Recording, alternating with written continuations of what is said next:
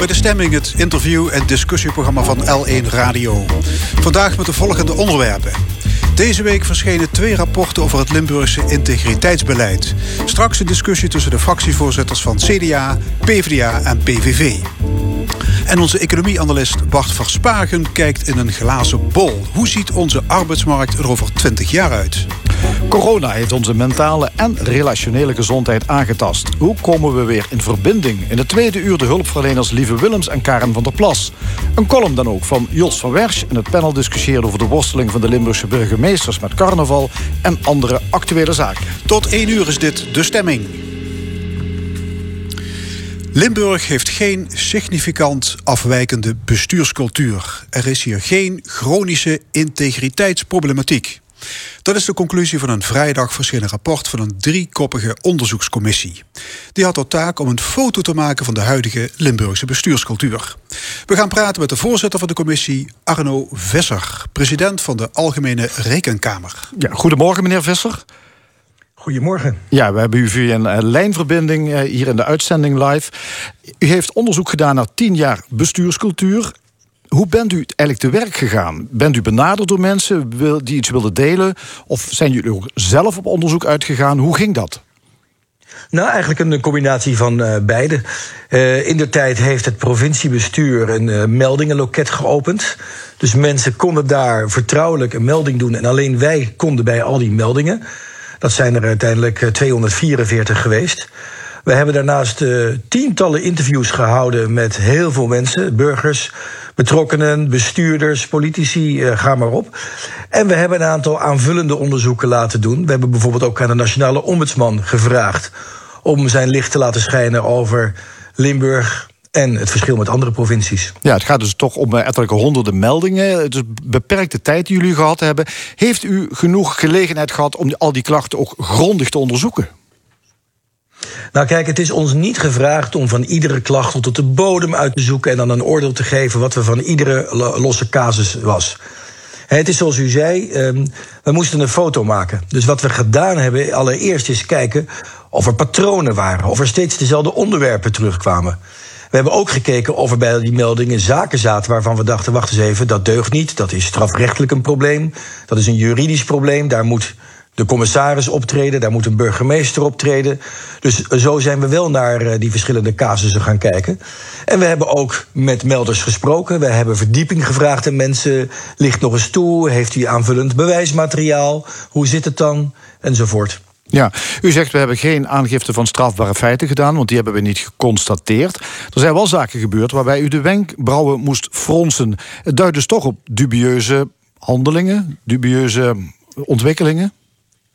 Nou, let op. Um, er worden twee dingen steeds door elkaar gehaald: bestuurscultuur en integriteit. Integriteit is een specifiek vraagstuk. Specifiek als er wetten zijn overtreden, of als er strafrechtelijke zaken zijn gedaan, of als mensen zichzelf bevoordeeld hebben. Uh, maar we hebben ook uh, zaken gehoord waarvan we dachten: nou, is dat nou wel even netjes hoe je met elkaar omgaat? Is dat wel proportioneel hoe je dat doet? Dus bestuurscultuur gaat ook over omgangsvormen, gaat ook over relaties, het beheren van relaties, hoe je tot elkaar staat. En dat waren bijvoorbeeld die voorbeelden waarvan we met de wenkbrauw hebben gefronst, met verbazing hebben gekeken. Er zijn ook zaken waarvan je af kunt vragen: ja, hoe zakelijk is dat nou? Dit is een rijke provincie. Stap je hier niet te makkelijk in? Is het niet, uh, had het niet beter georganiseerd kunnen worden, democratisch gezien? Ja, wat mij opvoel, opviel is dat het gevoel bij veel mensen uh, toch wel um, negatief is uh, ten aanzien van bijvoorbeeld bestuurlijke afspraken die gemaakt worden. Bijvoorbeeld, er is een gronddeal in de gemeente Venray tussen de CDA-familie Lonen en het waterschap. En dan zegt een melder bij jullie: juridisch zal het allemaal wel kloppen, daar zorgen ze wel voor, maar eerlijk en transparant is het niet gegaan. Dat ja, gevoel, dat is iets wat we. Dat gevoel, Pardon, maar dat ja. is, dit is één casus, maar dat gevoel, bent u dat vaker ja. tegengekomen dat mensen denken. Ja, dat zijn we. Sorry, ik ja? onderbrak u. Dat zijn we vaker tegengekomen. En dan zie je maar weer hoe belangrijk het is dat politici, bestuurders, statenleden heel goed communiceren. Dat ze dingen beter uitleggen. Dat ze regels maken die niet alleen een paar mensen op het gouvernement of in een gemeentehuis begrijpen, maar die, nou ik wil zeggen, u en ik ook begrijpen als je er niet zoveel tekst voor hebt. Heel veel mensen zeiden ook tussen tegen ons: ja, het voelt niet goed En als we het nou hebben, goed hadden uitgelegd, dan hadden we het misschien beter begrepen en dan ook beter aanvaard. Dus dat is een terugkerend thema als je praat over bestuurscultuur. Zaken veel beter uitleggen en eenvoudiger maken. Ja. Oud-CDA-gedeputeerde Ger Koopmans die wordt veelvuldig genoemd door de klachtenmelders. Komt dus ook terug in het onderzoek. Hij zou, hij zou een heel erg dominante plek hebben ingenomen in de provincie. Welke gevolgen heeft dat gehad? Nou, dat is interessant dat u dat noemt. Want um, dat zeiden heel veel mensen. Hij was zo belangrijk en zonder hem gebeurde er niks. Maar die mensen zijn zich daarna gaan gedragen. Dus die zijn ook gaan doen alsof dat zo was. Um, we hebben ook gehoord van mensen dat ze wel degelijk tegenspraken en dat hij daar open voor stond. Maar dat was een heel wisselend beeld. En uh, dus degenen die eraan mee hebben gedaan, uh, hebben dus eigenlijk voor een situatie gezorgd die, uh, waarvan je zou zeggen, dat is helemaal niet wenselijk. Je moet tegenspraak bieden. Je moet er tegenaan gaan. Je moet je er niet bij neerleggen dat één iemand dominant is, want dat mag niet zo zijn. Maar zegt u eigenlijk, uh, ja, die mensen die, die daaraan meegaan, die, ja, die hebben dan, dat is, dikke, dat is eigen schuld dan maar. Nee, dat is te makkelijk gezegd. Kijk, wat ik zei, we hebben heel veel mensen gesproken, ook van buiten het uh, gouvernement. En ook die mensen die er niet bij waren, zeiden: ja, maar hij is zo dominant. En dan vraag je, maar was u er dan bij? Nee, maar dat wordt gezegd. Wat deed u dan? Ja, dan ging, ging, dat ook maar, ging ik er ook maar aan meedoen. Dat bedoel ik. Dan krijg je een patroon waarin je bevestigt, je gedraagt naar zaken zoals je ze eigenlijk niet zou willen. En dat hebben we proberen op te schrijven. Hè. We zeiden, het is een, blijkbaar een controversieel figuur. Maar ja, eh, je moet wel tegenspraak bieden. Je moet wel ergens tegenin gaan. En, uh, en dat geldt in alle lagen van het openbaar bestuur. Ja, je kunt je ook afvragen waarom is er dan geen tegenspraak? Waarom doen mensen dat niet? Wat is daar aan de hand? Ja, en kijk, daar, daar geldt ook, uh, dat is breder dan alleen maar Limburg hoor. Ik weet uit mijn eigen werk en de andere commissieleden weten ook uit hun werk en uit andere onderzoeken, is dat in Nederland is het, wat je dan noemt, democratisch systeem van checks en balances wel eens zwak ontwikkeld. Er kan op heel veel plaatsen in dit land veel beter georganiseerd worden, in praktijk gebracht worden, uh, tegenspraak organiseren. Want daar word je beter van. Dat is een functie, dat is nuttig. Ja, uh, er zijn enkele honderden klachten ingediend. Uh, die mensen hebben zich bij jullie gemeld. Uh, u schrijft, ja, er is niet echt sprake van een bestuurscrisis, maar dus een perfecte storm waarin alles samenkwam de laatste tijd. Um, bagatelliseert u daarmee de zaak niet heel erg? Want er zijn toch honderden mensen die zich gemeld hebben met klachten? Ja, nee, dat laatste hoop ik niet dat het zo overkomt hoor. We hebben zaken in proportie proberen te brengen. En u moet uh, zich realiseren, toen wij begonnen met het onderzoek, hebben we heel open daarin gestapt. Maar er was de unieke situatie dat een heel bestuur was opgestapt, inclusief de gouverneur. Nou, dat was nergens nooit voorgekomen. Dus daar moest wel iets heel ergs zijn. En toen we gingen onderzoeken, zagen we zaken die op zichzelf helemaal niet zo goed waren. Echt wel dingen waren die niet oké waren. Maar we moesten het wel in proportie brengen. En we zagen ook dat in die maanden waar het allemaal tot culminatie leidde, waarin de, bom om, de bommen ontploften, ja, dat noemden we dan de perfecte storm. Daar kwamen allemaal dingen van samen. En ik denk dat het aan de politiek is om nu terug te kijken en te denken: ja, maar wacht eens even. Wat is daar nou werkelijk gebeurd? Is het allemaal zo nodig geweest? Ik vond het heel dapper, heel goed. Dat de, de onderzoekscommissie, de enquêtecommissie, ook van zichzelf zei en naar zichzelf keek: van wacht eens even. Dat instrument van enquête is een heel sterk instrument. Maar ja, ze vroegen zich eigenlijk af of dat wel op zijn plaats was. Achteraf zeiden ze van niet. Ja, de bal ligt nu bij de politiek en daar gaan we ook hier uh, verder uh, over praten. Dank u wel, Arno Visser van de onderzoekscommissie naar de Limburgse bestuurscultuur. Graag gedaan en een fijne dag. Ja, hier in de studio praten we verder met drie fractievoorzitters in Provinciale Staten. Dat zijn Mariska Werry van het CDA, René Klaassen van de PVV en Jasper Kunselaars van de PvdA. Ja, zometeen het rapport over 10 jaar bestuurscultuur. Eerst dat andere rapport dat deze week verscheen van de enquêtecommissie over de integriteit van Ger Koopmans. Die commissie vindt uh, een parlementaire enquête, en meneer Visser zei het net ook al, eigenlijk een paardenmiddel. René Klaassen, dat heeft de PVV altijd al gevonden?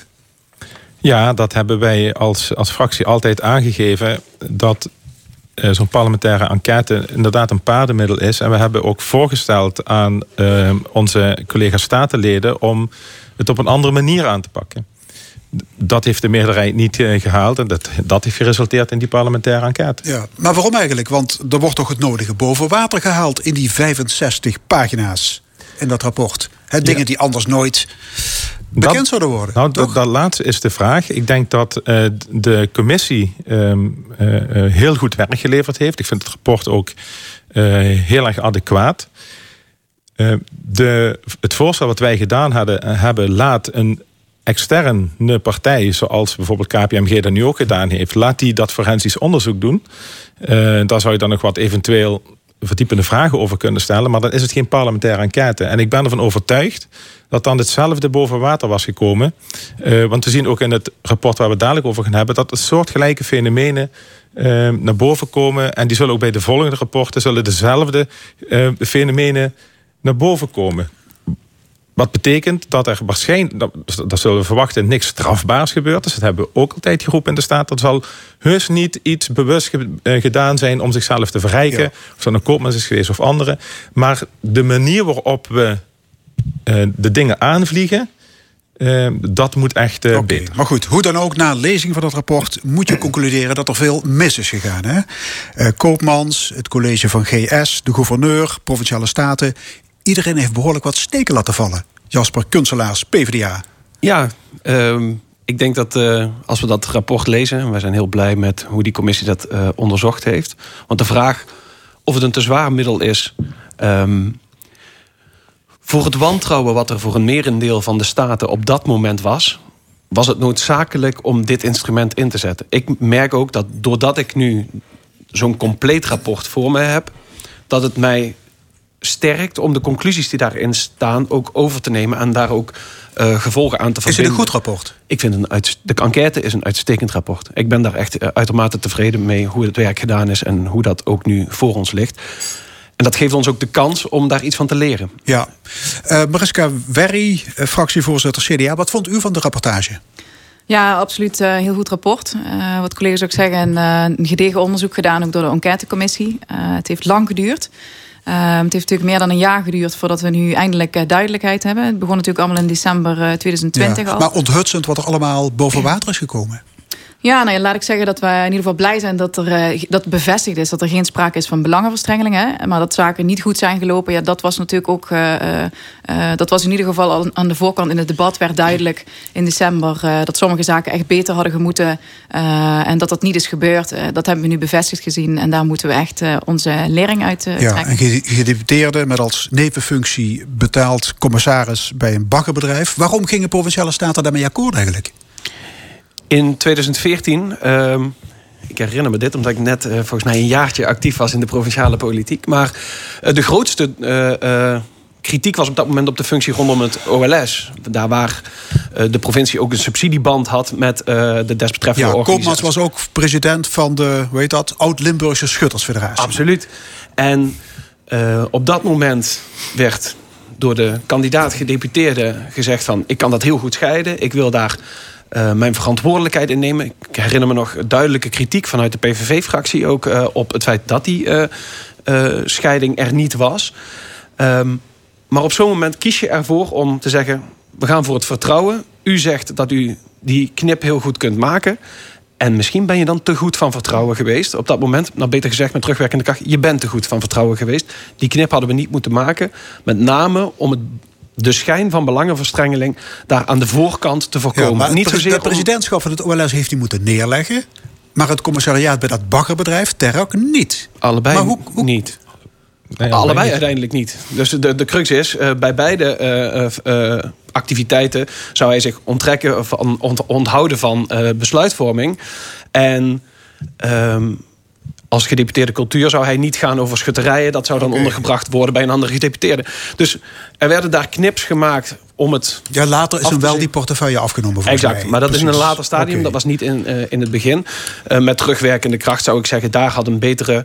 Uh, ja, oplettende staten scherper kunnen zijn. Bing had er al voor gewaarschuwd. Absoluut. Pas op, want op, dit ja, leidt tot, moment, dit is de schijn van ja, belangenverstrengeling. En de PVV vroeg ook om een toezegging bijvoorbeeld. Kunt u ervoor gaan zorgen dat uh, dit niet gaat gebeuren samen met de CDK? Daar komt dan een toezegging. En dan zie je twee zaken fout gaan. Eén, degene die daar verantwoordelijk voor zijn, de gedeputeerden en de CDK, die volgen die opdracht of die toezegging aan de Staten niet op. En aan de andere kant, degene die die toezegging gevraagd heeft, die geeft daar geen gevolg meer aan. Die volgt niet zijn eigen toezegging en zorgt er niet voor dat het alsnog wordt gerealiseerd. Je ziet dan dat aan de controlekant bij de staat iets misgaat. De eerste verantwoordelijke zijn altijd de gedeputeerden en het CDK zelf in het uitvoeren hiervan natuurlijk. Dus maar daar zie je dat er zaken fout gaan en die moeten ook in de toekomst natuurlijk beter. Ja, meneer Klaassen, zag u aankomen wat er zou gaan gebeuren? Met dat Ehm, commissariaat? nou, als ik, als ik zo. Nee, Want wat ik- Remkes zei later nog, je kon met je klompen aanvoelen dat dat, dat vraagt om Ja, moeilijkheden. het is altijd makkelijk om achteraf eh, te zeggen wat je dan zou hebben zien aankomen. Het punt is, is dat je aan de voorkant, en nu, nu is dat zo, dat we aan de voorkant gewoon helder hebben wat wel en niet kan. Anders kom je op het gebied van de schijn. En wij vinden dat schijn weer te maken heeft met de intentie van de persoon. En dan zegt eh, eh, eh, meneer Kunstlaar eh, terecht, ja, dan ga je uit van het vertrouwen. Maar uiteindelijk kan dat op lange termijn dus geen stand houden. En dat heeft gebleken dat dat hier in Limburg ook zo was. Dat hield gewoon geen stand meer. Ja, de enquêtecommissie die kwalificeert de politieke controle op het integriteitsbeleid door provinciale staten als zwak ontwikkeld. Mevrouw Berry, wat vindt u van dat oordeel? Ja, nou, het is in ieder geval een, eh, een stevige conclusie waar we echt iets mee moeten. Eh, en terecht ook heeft de heer Kunstelaars gezegd... wij hebben ook als provinciale staten nagelaten om, eh, om die controle goed uit te oefenen. Eh, we hebben ook nagelaten om daar vol bovenop te zitten. En dat, dat mogen we onszelf dan ook aanrekenen. En dan provinciale staten breed. En dat is iets, een gesprek wat we met elkaar moeten blijven voeren... Ehm, en het niet meer zien zeg maar, als een verplichting om erover te spreken, maar intrinsiek regelmatig dat gesprek met elkaar willen aangaan. Eh, ja, om te kijken hoe kunnen we hier nou mee, eh, mee om blijven gaan. René Klaassen? Ja, wat, wat er gebeurde bij de afgelopen aanstelling eh, of de installatie van het college, is dat dat denken nog steeds niet goed in onze haarvaten zit. Zowel bij PS niet als bij een CDK of de gedeputeerden. Want daar hebben we nog, althans de PVV heeft toen een punt van orde ingebracht om ons tijd te geven als provinciale staten te kijken naar de achtergronden van de gedeputeerden. Terwijl aan de voorkant werd gezegd door de CDK: het is een orde, ik heb ernaar gekeken. En dat traject van het, eh, het instellen, of het, de installatie van een college, de weg daar naartoe, daarin zal provinciale staten inderdaad aan de voorkant een veel steviger rol moeten pakken. Wellicht samen met de Griffie, eh, noem maar op. Maar dat is wel een onderwerp waar we denk ik met elkaar goed naar moeten gaan kijken. En ik denk dat we daarmee eh, als staten heel goed de blik naar onszelf toe richten. Maar laten we wel constateren dat de verantwoordelijkheid om de schijn niet tegen je te krijgen in eerste instantie bij de persoon zelf ligt. Helemaal met je eens. En misschien als, als hoeder daarvan nog bij de CDK in de, in de grotere zin voor het eh, geheel. Maar eh, in eerste instantie bij de persoon zelf. Dus ik vind dat we daar ook dan eh, de verantwoordelijkheid moeten neerleggen. Aan ons de taak om beter te controleren. Maar de focus moet liggen bij de persoon zelf die de keuzes maakt om wel of geen nevenfuncties eh, te verkiezen. Die parlementaire enquête heeft ook bijvangst opgeleverd. Hè, dingen die je per ongeluk tegenkomt. Zoals betalingen aan partijbijeenkomsten en aan verkiezingscampagnes van politici.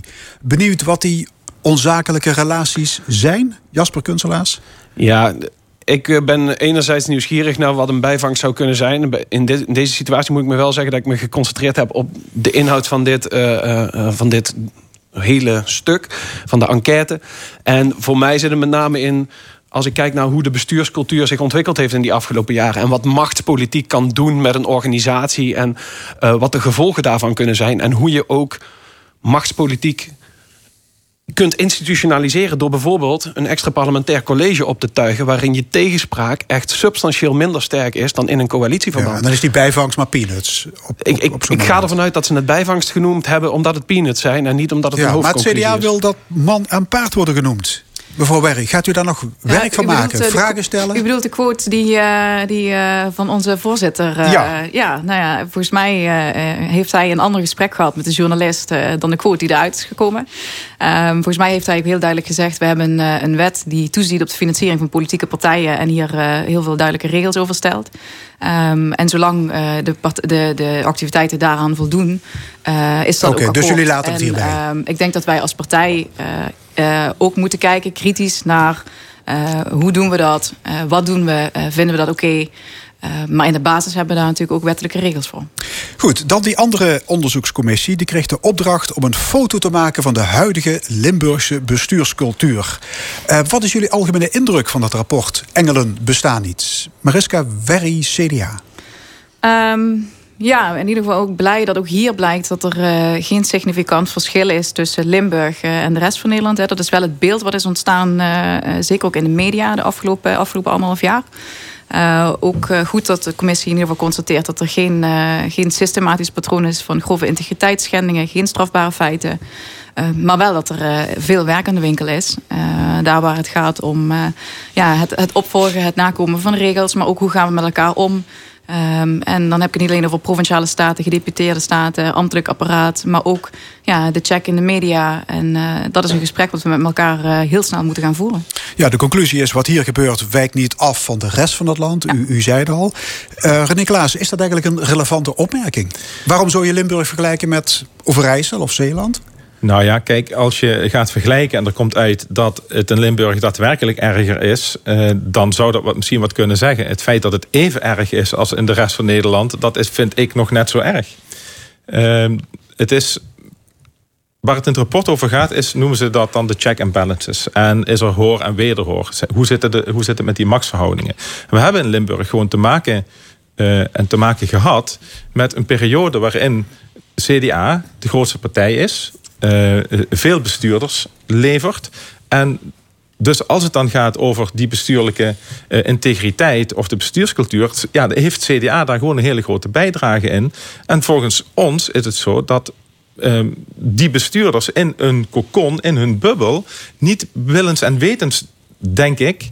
Uh, al laat het, uh, het, het, rapport van de parlementaire enquête er ook nog een gaatje voor over. Maar ik ga ervan uit, niet willens en wetens, ontstaan daar um, blind spots in hoe zit het in elkaar? Uh, uh, wat mag wel, wat mag niet? Hoe communiceren we daarover naar elkaar? Dat daar wel een verbeterpunt zit. En is volgens mij ook een, een, signaal voor alle andere partijen die uh, in toenemende mate een bestuursrol hebben zij in de gemeentes het, uh, of in de provincie, dat we met elkaar over moeten hebben. Maar waar moeten we dan op letten om te voorkomen dat we niet in een situatie terechtkomen waarin wellicht de CDA afgelopen periode ja. terechtgekomen is? De commissie heeft 286 meldingen onderzocht, heeft interviews gehouden, heeft krantenartikelen doorgevloeid. Is dat voldoende om een oordeel te vellen over de Limburgse bestuurscultuur in de voorbije tien jaar? Jasper Kunselaars, PvdA?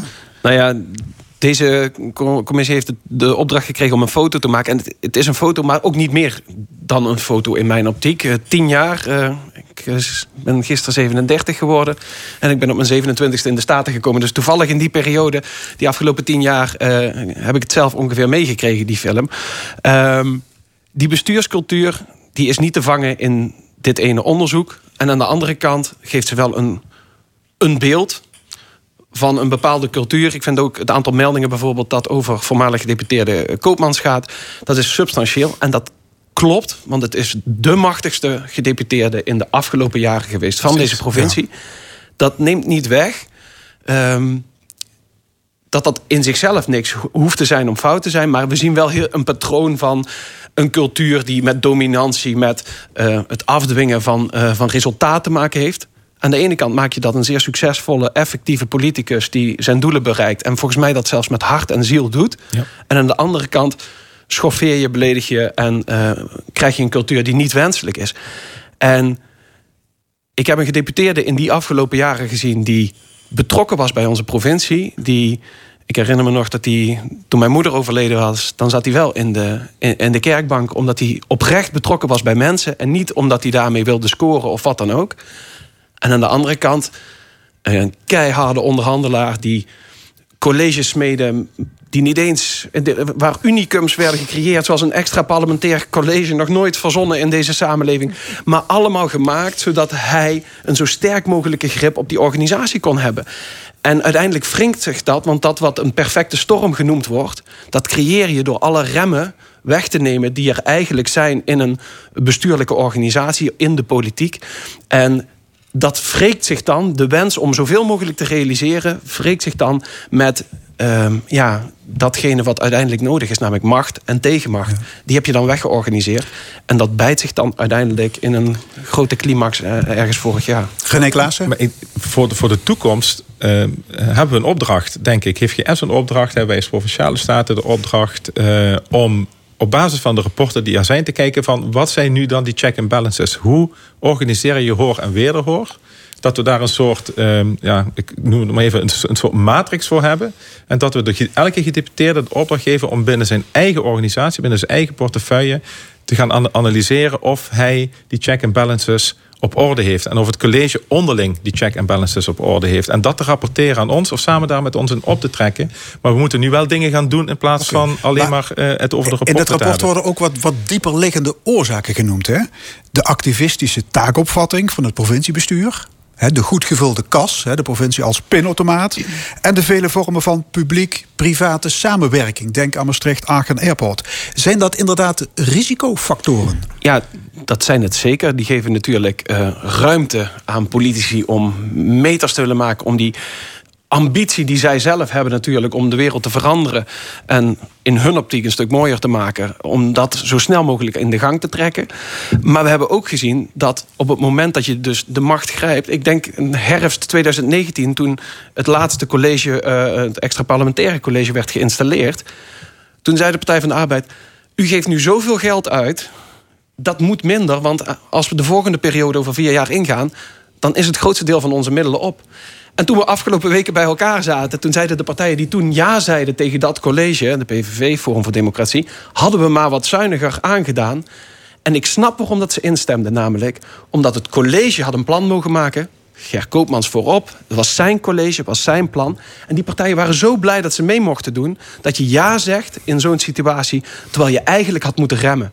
Dus ja, de ambitie van een politicus wordt, krijgt ruim baan door extra geld en door extra Dus u bent het eens met een van de aanbevelingen van die commissie Visser, namelijk openbaar bestuur. Doe aan zelfbeheersing, doe aan matiging. Absoluut. Dat geldt voor alle partijen, ook voor die van ons. Voor iedereen natuurlijk proberen wat rustiger uh, in, in de wedstrijd Met andere woorden, de provincie maakt zich veel te belangrijk.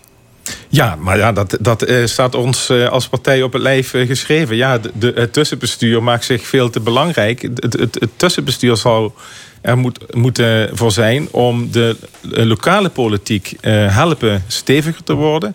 De lokale uh, politiek helpen beter samen te werken met de middelen en de, en, de faciliteiten die zo'n de, de, de, lage overheid nodig heeft. En dan zouden we in de tijd heel langzaam het middenbestuur kunnen gaan opheffen. Ja, okay, dat ja, ik moet even denken aan het boek van Klaartje Peters, Het opgeblazen bestuur. Enfin. Ja, ik ken het boek niet, maar het, het, het, klinkt wel heel bekend. Goed, opvallend in het rapport is um, de grote aandacht voor de rol van de media. Uh, met name de NRC krijgt een flinke veeg uit de pan. Wat vonden jullie van dat hoofdstuk? Mariska Werri van het CDA. Ik denk, ik denk dat, dat, uh, uh, dat, dat in ieder geval een hele, dat het een hele duidelijke bijdrage heeft geleverd aan uh, die perfecte storm die is gecreëerd.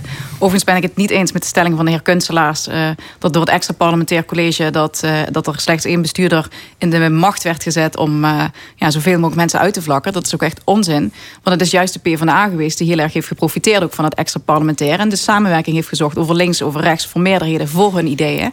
en daar ook veel veel gebruik gaat van u nu ontkennen, maken. Gaat u nu ontkennen dat de heer Koopmans... in ieder rapport staat dat de macht van de heer Koopmans... in onze provincie werd gefaciliteerd op alle verschillende punten. En dat stukje, dat laatste moment dat het CDA en gedeputeerde Koopmans... in dat extra parlementaire vehikel zeg maar, de absolute macht wist te organiseren naar zichzelf toe. Daar zat de crux. en dat, heeft er ook voor gezorgd dat er 2,5 jaar later die enorme bestuurscrisis nee, dat ontstond. is onzin. Dat is, dat is wat u ervan maakt. Uh, wij hebben ervoor gezorgd dat er een veel openere sfeer in provinciale staten ontstond. Waarbij meerderheden over links en over rechts georganiseerd konden worden. Nee, dat u wil niet zeggen dat storm georganiseerd. Dat nee, dat hebben wij, dat hebben wij niet. Uh, uiteindelijk zie je uh, dat een hele stevige bestuur een stevige tegenmacht nodig heeft. Dat is ook goed, maar dat is anders dus wat u concludeert. Goed, ik wil even terug naar het rapport. Provinciale staten bestuurscultuur en de opmerkingen over de journalistiek. Uh, René Klaassen?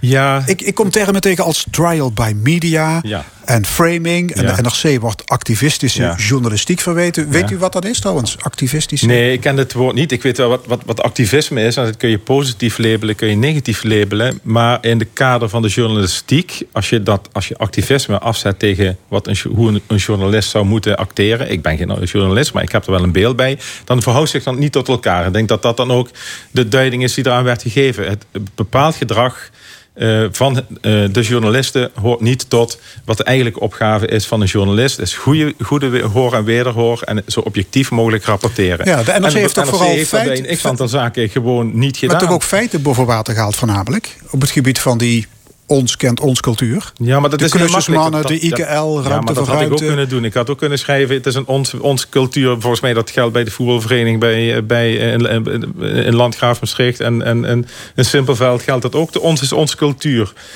Ehm, maar als je ehm, eh, in de krant op de voorpagina namen noemt eh, en dat dan uiteindelijk blijkt dat de naam dat daar niks meer aan de hand is, heeft iemand wel in de krant gestaan met zijn portret op de voorkant. Om wie Met- gaat met- het? Nee, dat, dat- het maakt niet uit wie het is. Als daar iemand op de voorpagina maar er wordt staat. gezegd dat in de NRC regelmatig artikelen hebben gestaan die later niet bleken te kloppen. Ja. Moet je zo'n bewering dan niet onderbouwen? Welke publicaties, in welke publicaties zijn welke onwaarheden Nou, ik pak even verkondigd? het, het, het, het voorbeeld van vorig jaar. Is een rapport gekomen van de Zuidelijke Rekenkamer over de klusjesmannen. Eh, daar werd eh, eh, heel erg duidelijk dat een x aantal mensen onterecht in het voetlicht zijn gebracht door het NRC.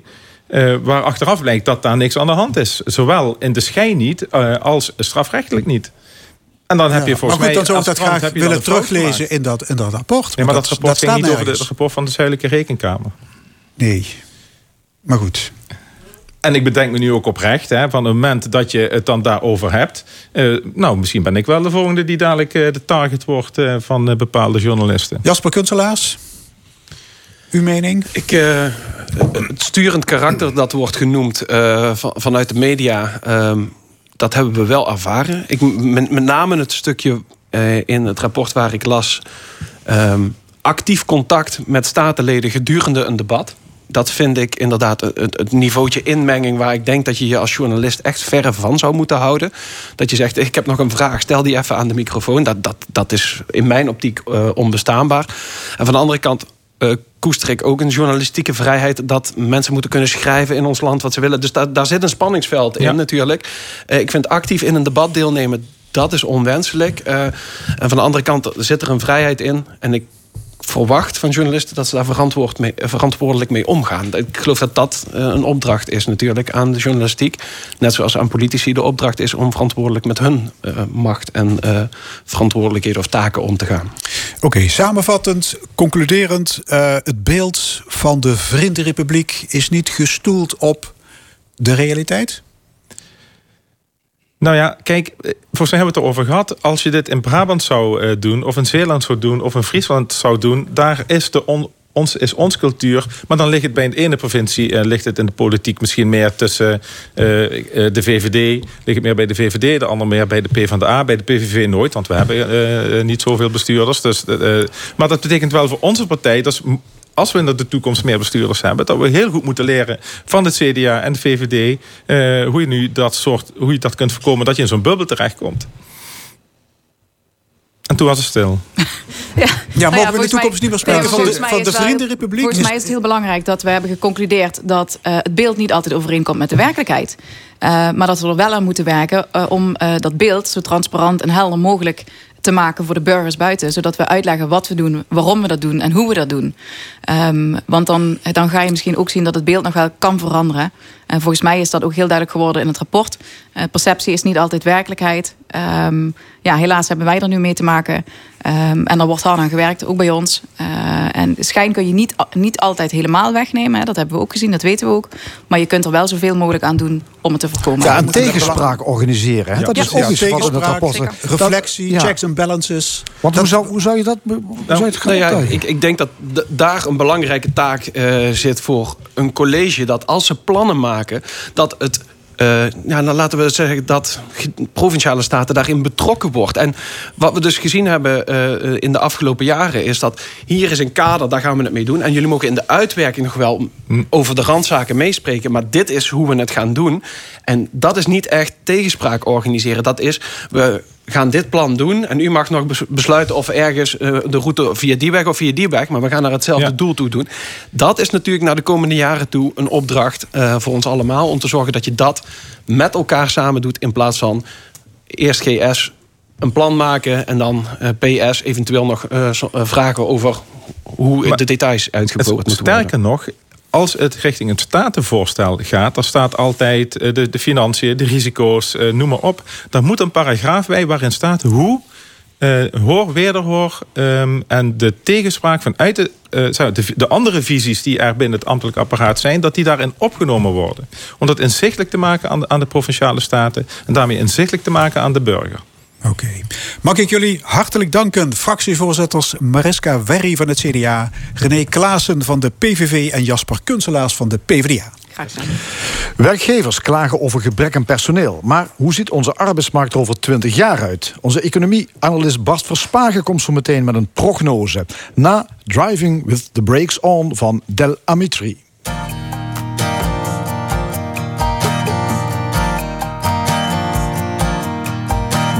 Driving through the long night Trying to figure who's right and who's wrong Now the cat has gone. I set the belted up tight. She sucks on a match matchlight, blowing bronze, steering on. And I might be more of man if I stopped this in its tracks and said, Come on let's go home. But she's got the wheel, and I've got nothing except what I have on. When driving with on, when you're swimming with your boots on. It's hard to say you love someone, and it's hard to say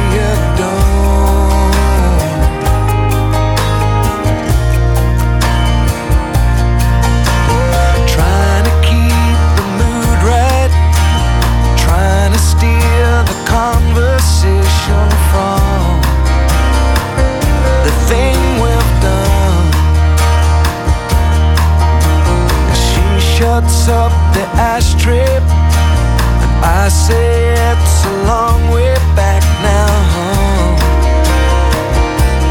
She just yawns And we might get lost someplace. So desolate that no one will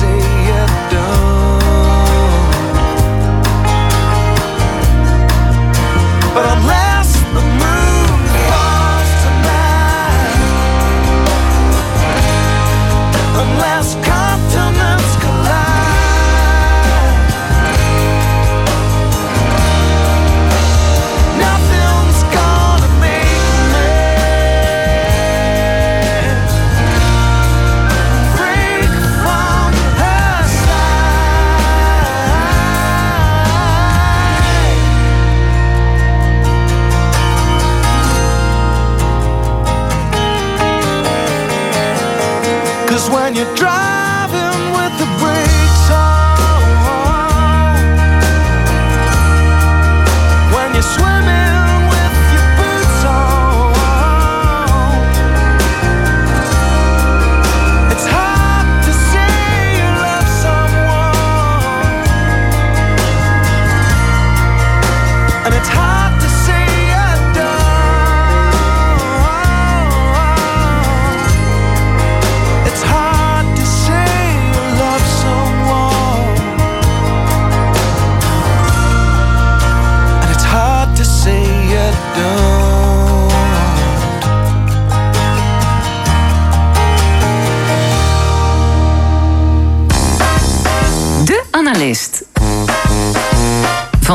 Met economie-analyst Bart Verspagen. Goedemorgen Bart. Goedemorgen. Ja, ik kondigde al uh, voor de plaat aan. Um, op dit moment zitten werkgevers uh, vooral te zweten omdat ze geen personeel kunnen krijgen.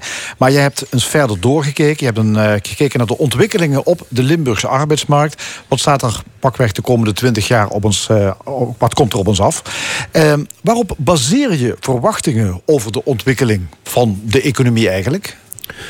Um, nou ja, in dit geval uh, zou ik dat vooral ook graag willen doen door terug te kijken naar die arbeidsmarkt. Omdat ik denk dat. Het klinkt, uh, klinkt vreemd als je naar de toekomst gaat kijken. Ja, ja maar het is wel zo dat uh, trends die je al wat langere tijd ziet, dat die waarschijnlijk ook in de nabije toekomst wel zullen doorlopen. En als dat niet zo is, dan heb je vaak ook wel een idee waarom dat niet zo zou zijn. Dus het is eigenlijk een heel goed beginpunt om wat terug te kijken in het verleden. Wat zie je dat er gebeurt op die arbeidsmarkt?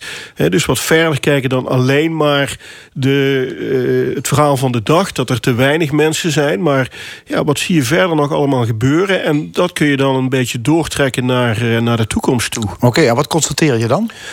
Nou, een van de dingen die je heel duidelijk ziet is, is ongelijkheid. Die ongelijkheid waar we het vaak over hebben, die heeft natuurlijk heel veel dimensies. Maar die begint uh, op de arbeidsmarkt. En je ziet bijvoorbeeld dat in de laatste twintig jaar mensen met een hogere opleiding, of mensen die werk doen dat een hogere opleiding vereist, dat die een, een, loonbonus hebben gekregen ten opzichte van lager geschoolde mensen, die steeds groter is geworden. Dan, dat is echt substantieel. Dat, dan heb je het over tientallen procenten over die twintigjarige uh, periode heen. Dus de, de hoger, on, hoger opgeleide verdienen relatief veel meer dan lager opgeleiden. Ja, als je het per uur of per maand bekijkt... dan verdienen die hoger opgeleiden natuurlijk veel meer. Dat weten we ook allemaal, dat is niks nieuws. Maar als je kijkt hoe zich dat ontwikkeld heeft over 20 jaar... dat is dus steeds meer geworden. En dus zie je dat er ongelijkheid is, uh, is ontstaan. Mensen aan de onderkant van de, van de arbeidsmarkt... als je het zo zou willen noemen... zonder veel scholing, die uh, laaggeschoold werk doen... zien hun beloning nauwelijks groeien. Mensen die hooggeschoold werk doen... zien die beloning wel sterk groeien. Ja, als je kijkt naar vraag en aanbod, dan zou je dus moeten concluderen: zijn er dan minder hoogopgeleiden, omdat die lonen stijgen? Zijn er dan minder mensen te krijgen voor die hoogopgeleide banen? Is dat het probleem? Nee, dat is eigenlijk het paradoxale aan die hele situatie. Want uh, tegelijkertijd met die toegenomen loonbonus uh, voor die hoger opgeleiden... zie je ook dat er steeds meer hoger opgeleiden op de arbeidsmarkt verschijnen. Jonge mensen zijn toch hoger opgeleid dan, uh, dan tientallen jaren geleden. Dus dat is wel een beetje een paradox. Maar dat kun je ook weer goed verklaren. En dat komt door technologie. Want technologie die... Je, technologie heeft een, een, een bias, zoals we dat noemen. Die is niet neutraal. Dus een, werknemer met een hogere opleiding... die wordt eigenlijk bevoordeeld door technologie. En mensen met een lagere opleiding... die worden daardoor benadeeld. Omdat hun werk bijvoorbeeld vervangen wordt... door een slimme machine of door slimme software. Ja, moet je toch even uitleggen. Want uh, er zijn dus uh, op zich veel mensen die hoger opgeleid zijn. Hè. Steeds meer mensen kiezen voor een hoger opgeleide baan. En, je zegt, en die worden bevoordeeld door technologie. Wat, wat, wat, welk voordeel hebben die daar dan bij? Uh, ja, dat is eigenlijk een, een voordeel wat aan de vraagkant ligt. Hè. Dus de, de prijs, in dit geval loon wat je betaalt voor arbeid... is altijd een gevolg van zowel vraag als aanbod. Het aanbod neemt toe, dat op zich zou die prijs omlaag drijven. Maar de vraag neemt ook ontzettend toe. Omdat het werken met technologie die in de arbeidsmarkt tegenkomt... dat vereist, uh, vereist een hogere opleiding. Uh, en omdat door de introductie van die nieuwe technologie er meer vraag is naar uh, hoger opgeleide arbeid, neemt die, dat loon dus ook toe. En je kunt bijvoorbeeld denken aan, aan een, allerlei slimme software. Dat kan een laaggeschoolde medewerker vervangen, maar je hebt tegelijkertijd ook hooggeschoolde medewerkers nodig om die software te onderhouden, om het te beheren. Dus uh, de hoeveelheid werk voor hoger opgeleiden die neemt sneller toe dan het aantal hoger opgeleiden dat dat werk kan doen. Precies. Ja. ja. En ik hoor je ook zeggen, lager opgeleiden zijn eigenlijk ook de dupe, omdat veel werk dat zij deden. Uh, een andere plek krijgt. Dat, dat, dat wordt werk voor hoger opgeleiden. Kun je, kun je daar een voorbeeld van geven? Uh, ja, een heleboel dingen die met ICT samenhangen. Als je nadenkt over wat ICT doet in onze samenleving. Nou, het vervangt allerlei redelijk simpele taken waar je geen geweldig eh, grote opleiding voor nodig hebt. Uh, denk aan het type. Toen ik begon op de arbeidsmarkt, toen waren er nog typistes. Mensen die een manuscript wat handgeschreven was, moesten uittypen. Intussen typt iedereen zelf zijn, uh, zijn teksten op de tekstverwerker. En is die baan van typisten, een typisch laag opgeleide baan, is vervangen. En daarvoor in de plaats zijn banen gekomen van mensen die de software beheren, die wij met z'n allen gebruiken om zelf onze stukken te, te typen. Ja, en je ziet het op veel administratief werk natuurlijk op lager of middelbaar niveau dat steeds meer verdwijnt. Precies, want dat wordt overgenomen door uh, boekhoudsoftware, door uh, allerlei andere slimme apparaten. Ja, met alle gevolgen van dien voor lager opgeleiden, die dus of niet meer aan de bak komen of lagere salarissen krijgen. Precies, die komen minder aan de bak, maar die moeten ook genoegen nemen met minder salaris. Ja, uh, dat is een doorkijk. Dus werk voor hoger opgeleiden zal, zal er blijven, zal toenemen. Ja, dat, want als je, dan, als je dat doortrekt vanuit het verleden, vanuit die, die laatste twintig jaar naar de toekomst, dan zie je dat de technologie die nu op stapel staat om op de arbeidsmarkt te verschijnen, dat is meer van hetzelfde soort technologie. Dat zijn uh, allerlei slimme ICT-dingen, uh, artificiële intelligentie. En daarmee ga je nog meer van dat laaggeschoolde werk vervangen. En ga je de, de vraag naar hooggeschoold werk dus uh, nog meer laten toenemen. Dus ik denk dat voor de komende twintig jaar echt die toenemende ongelijkheid op de arbeidsmarkt, dat dat een van de grote thema's wordt waar we iets mee zullen moeten als maatschappij. Ja.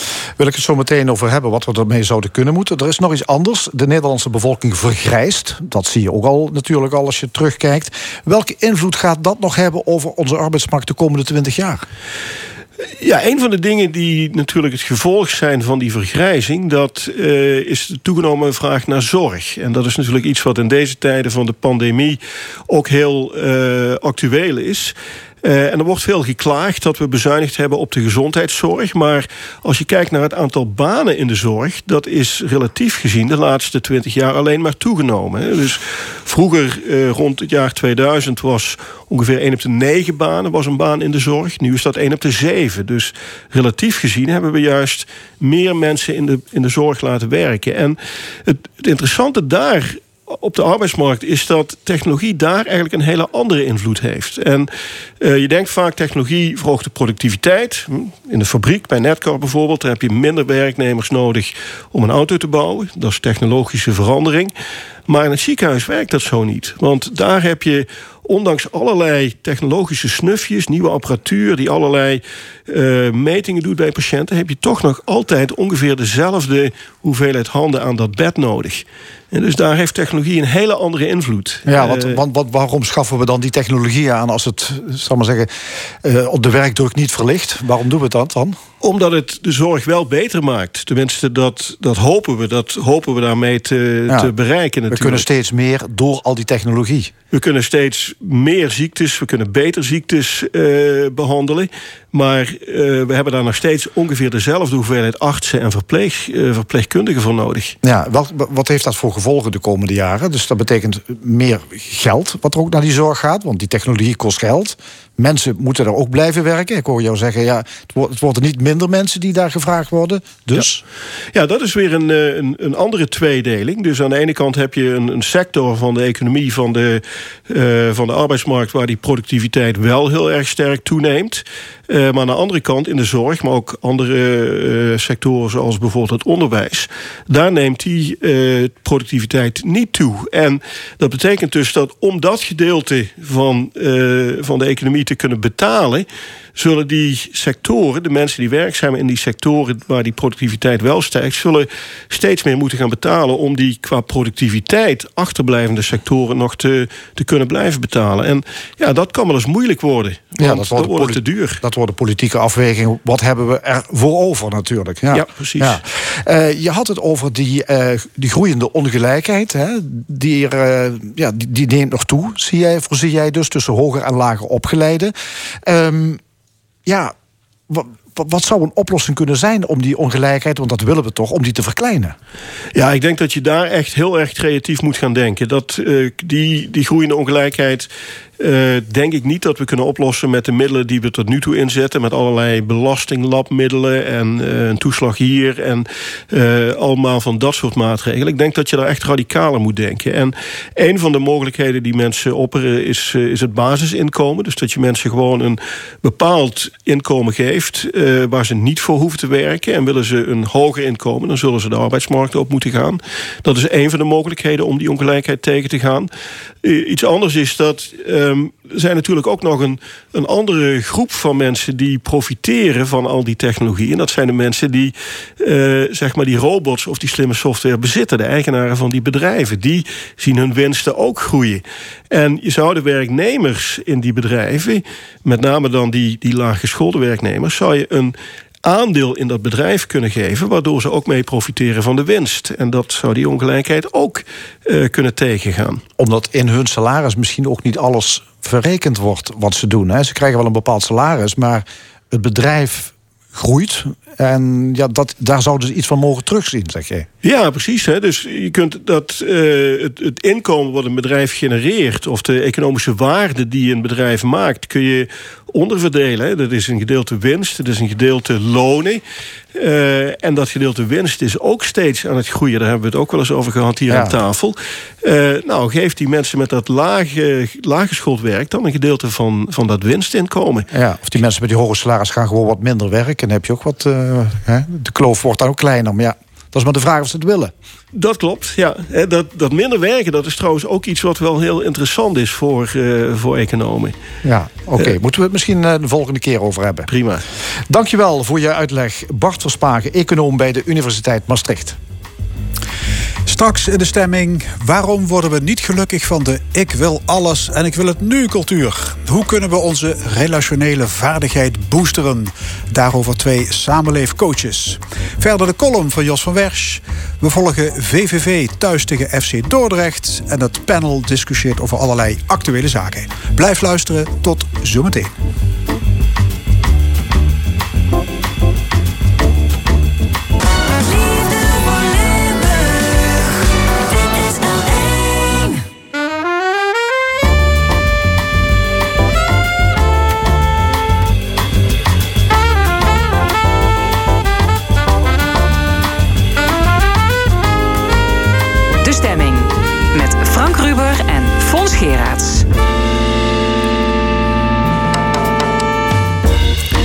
Opnieuw welkom bij De Stemming, het interview- en discussieprogramma over politiek, cultuur en samenleving. Wat allemaal in de tweede en laatste uur. Straks het discussiepanel over milieuactivisten in het Sterrenbos en andere actuele zaken. De column van Jos van Wersch, flitsen van de wedstrijd VVV Dordrecht, maar eerst menselijke relaties. In de voorbije decennia is de samenleving ingrijpend veranderd. En dat heeft veel goeds gebracht, maar dat is niet het geval voor onze mentale en relationele gezondheid. Dat is de mening van Lieve Willems, van beroep samenwerkingscoach. Ze maakt zich zorgen over het gebrek aan verbinding tussen mensen. En daarom heeft ze een universeel relationeel Esperanto ontwikkeld. Lieve Willems is hier samen met nog een holistische coach, Karen van der Plas. Welkom allebei. Uh, mevrouw Willems, om met u te beginnen. Wat is er allemaal mis met de samenleving heden ten dagen? Waar maakt u zich de meeste zorgen over? Um, over we zijn eigenlijk allemaal massaal verloren gelopen de laatste 40 jaar. Uh, en als je verloren loopt, dan worden allemaal moe, gefrustreerd, worden vooral boos op elkaar. Dat wil ook met elkaar niet meer omgaan. En uh, ik denk dat de samenleving onvoldoende begrijpt uh, dat heel veel veranderingen dat daar het probleem zat. Veel veranderingen. ja. Ja, want het klassieke gezin bestaat niet meer. Mm -hmm. uh, mensen twijfelen over hun gender. Werk en privé lopen in elkaar over. Godsdienst is passé. Iedereen zit de hele dag op de smartphone. En daar wordt u allemaal niet vrolijk van. Uh, ik word vooral niet vrolijk van het feit dat we verloren lopen. En dat we in, in plaats van allemaal op elkaar te schieten. dat we gewoon een nieuwe GPS moeten inzetten samen. Als alles ja, maar verandert. u zegt dat door die veranderingen mensen ja, eigenlijk de weg zijn kwijtgeraakt. We zijn, ja, we zijn gewoon ongelooflijk beginnen zoeken, omdat dat eigenlijk allemaal nieuwe thema's waren. Terwijl dat voor die verandering, die gestart is in de jaren tachtig, hadden we tegeltjeswijsheid, hadden we spreekwoorden, was leven veel eenvoudiger. En eigenlijk was dat een beetje onze, onze Google Maps toen. Hè? Spreekwoorden regelden het leven. En nu botsen we elkaar een ongeluk in het samenleefverkeer door gebrek eigenlijk aan nieuwe handleiding. Ja, u constateert veel relationele ellende, zowel thuis als op het werk. Waarom zijn onze relaties zo verstoord? de individualisering is toegenomen. De informalisering, de digitalisering, dat zijn eigenlijk allemaal nieuwe dingen. En al die verandering die gekomen is, daar zat nooit een handleiding bij. En dus u bent eigenlijk tegen de vooruitgang, tegen de moderniteit? Nee, absoluut niet. Maar het probleem is dat we allemaal 40 jaar zijn beginnen zoeken. En allemaal op onze eigen manier. En overal zagen we op een andere manier oplossingen. Waardoor dat we zoveel oplossingen hebben, dat we dat niet meer verbonden krijgen. Karen van der Plas, u bent coach, trainer, adviseur. Bent u een grote lijnen eens met uh, Lieve ja, Willems? Jazeker, ik zie heel veel. Voor mij zijn er twee uh, kernwoorden en dat zit in angst en in vertrouwen. Is eigenlijk, dat zijn twee kanten van één medaille. Op het moment dat je het vertrouwen verliest, dan uh, kom je in de angst terecht. En wat je dus de afgelopen twee jaar heel erg ziet, op alle vlakken. Hè, ik bedoel, mensen zijn gewoon bang geworden. In de coronatijd, het vertrouwen in elkaar, het vertrouwen in de politiek, het vertrouwen in het systeem. Dat is eigenlijk allemaal afgebrokkeld. En de grote uitdaging is hoe krijgen we nou weer dat vertrouwen in elkaar, maar ook in het grotere geheel en de gezondheidszorg weer terug. Zijn we te veel gefocust op, uh, op de economie, op, op materiële zaken? En hebben we te weinig oog voor de medemens? Absoluut, absoluut. De laatste uh, eh, 40 jaar geleden zeiden ze van stel de buren. En eigenlijk zijn we nu 40 jaar later uh, heel erg gefocust geweest op ik. Hè, werken maar goesting, uzelf goed voelen, selfies. Alles ging over zelf en over ik. En uh, we zijn heel sterk geworden in uh, het verwerven van dingen, inhoud, welvaart. Maar we zijn het eigenlijk een beetje de vergeten groentjes van vroeger voor elkaar zorgen. Ja, dus de, de, de, mentale en relationele gezondheid, die kan wel een flinke booster gebruiken. Ja, dat zeker. Ja, als je daar een booster voor zou hebben, zou de samenleving er in één keer heel anders uitzien. Ja, bijvoorbeeld, u draagt een button op uw jas. En daar staat op: Het kan wel anders. Ja. Uitroepteken. Ja, dat klopt. En dat is eigenlijk een, uh, de button ook van uh, Restory. Want wat uh, Karen en ik willen doen, is ook, ook onze relaties restaureren. Want op dit ogenblik zijn er heel veel mensen, bijvoorbeeld door COVID, die misschien na de zomer niet meer door dezelfde deur kunnen. Gewoon mhm. omdat we iedereen botst nu op verschil. En we kunnen dat verschil niet meer samenleggen wordt overal gesproken over woord en wederwoord, spraak en tegenspraak. En waar is de samenspraak? En dus daar willen wij iets aan doen. Dat hoorde je net ook in het gesprek in de politiek. Hè? Hoor, en we, hoor en wederhoor. En dan denk je, ja, dan gaat het vooral over gelijk hebben, maar niet over verbinding. En ik denk als, als je dus in de samenleving, maar ook in de politiek, veel meer zou, zou werken aan wederzijdse verbinding op basis van respect. Want ik vind dat, als je kijkt naar vroeger ook, wat jij eh, zegt, en waar is het respect? Waar, waar, waar is het kader, zeg maar, ook voor onze jongeren? Die eigenlijk gewoon een beetje rond aan het uh, ja, dobberen zijn. Want waar, je kunt wel zeggen van uh, lang leven de lol en we hebben geen grenzen meer nodig. Maar dat geeft ook heel veel onzekerheid en heel veel angst. En is heel veel, ik, ik, ik voel me heel erg zeg maar, eh, betrokken bij, bij de jongeren van nu die, die, uh, die, ja, die gewoon uh, heel veel. Ik uh, bedoel, zijn niet meer naar school geweest. Hoe, het gaat over relaties onderling op school. Heeft u over corona, hè? Waar we nu al ja, twee, jaar, laatste twee, twee jaar, zeg maar. Maar ook dat. Ik bedoel, dus de mentale gezondheid is ook niet beter op geworden, hè? Door die anderhalve absoluut. meter enzovoort. Ja, daar hoef ik geen onderzoek voor te doen. Nee. Ik bedoel, is absoluut, zeg maar, beneden het vriespunt, zou ik maar zeggen.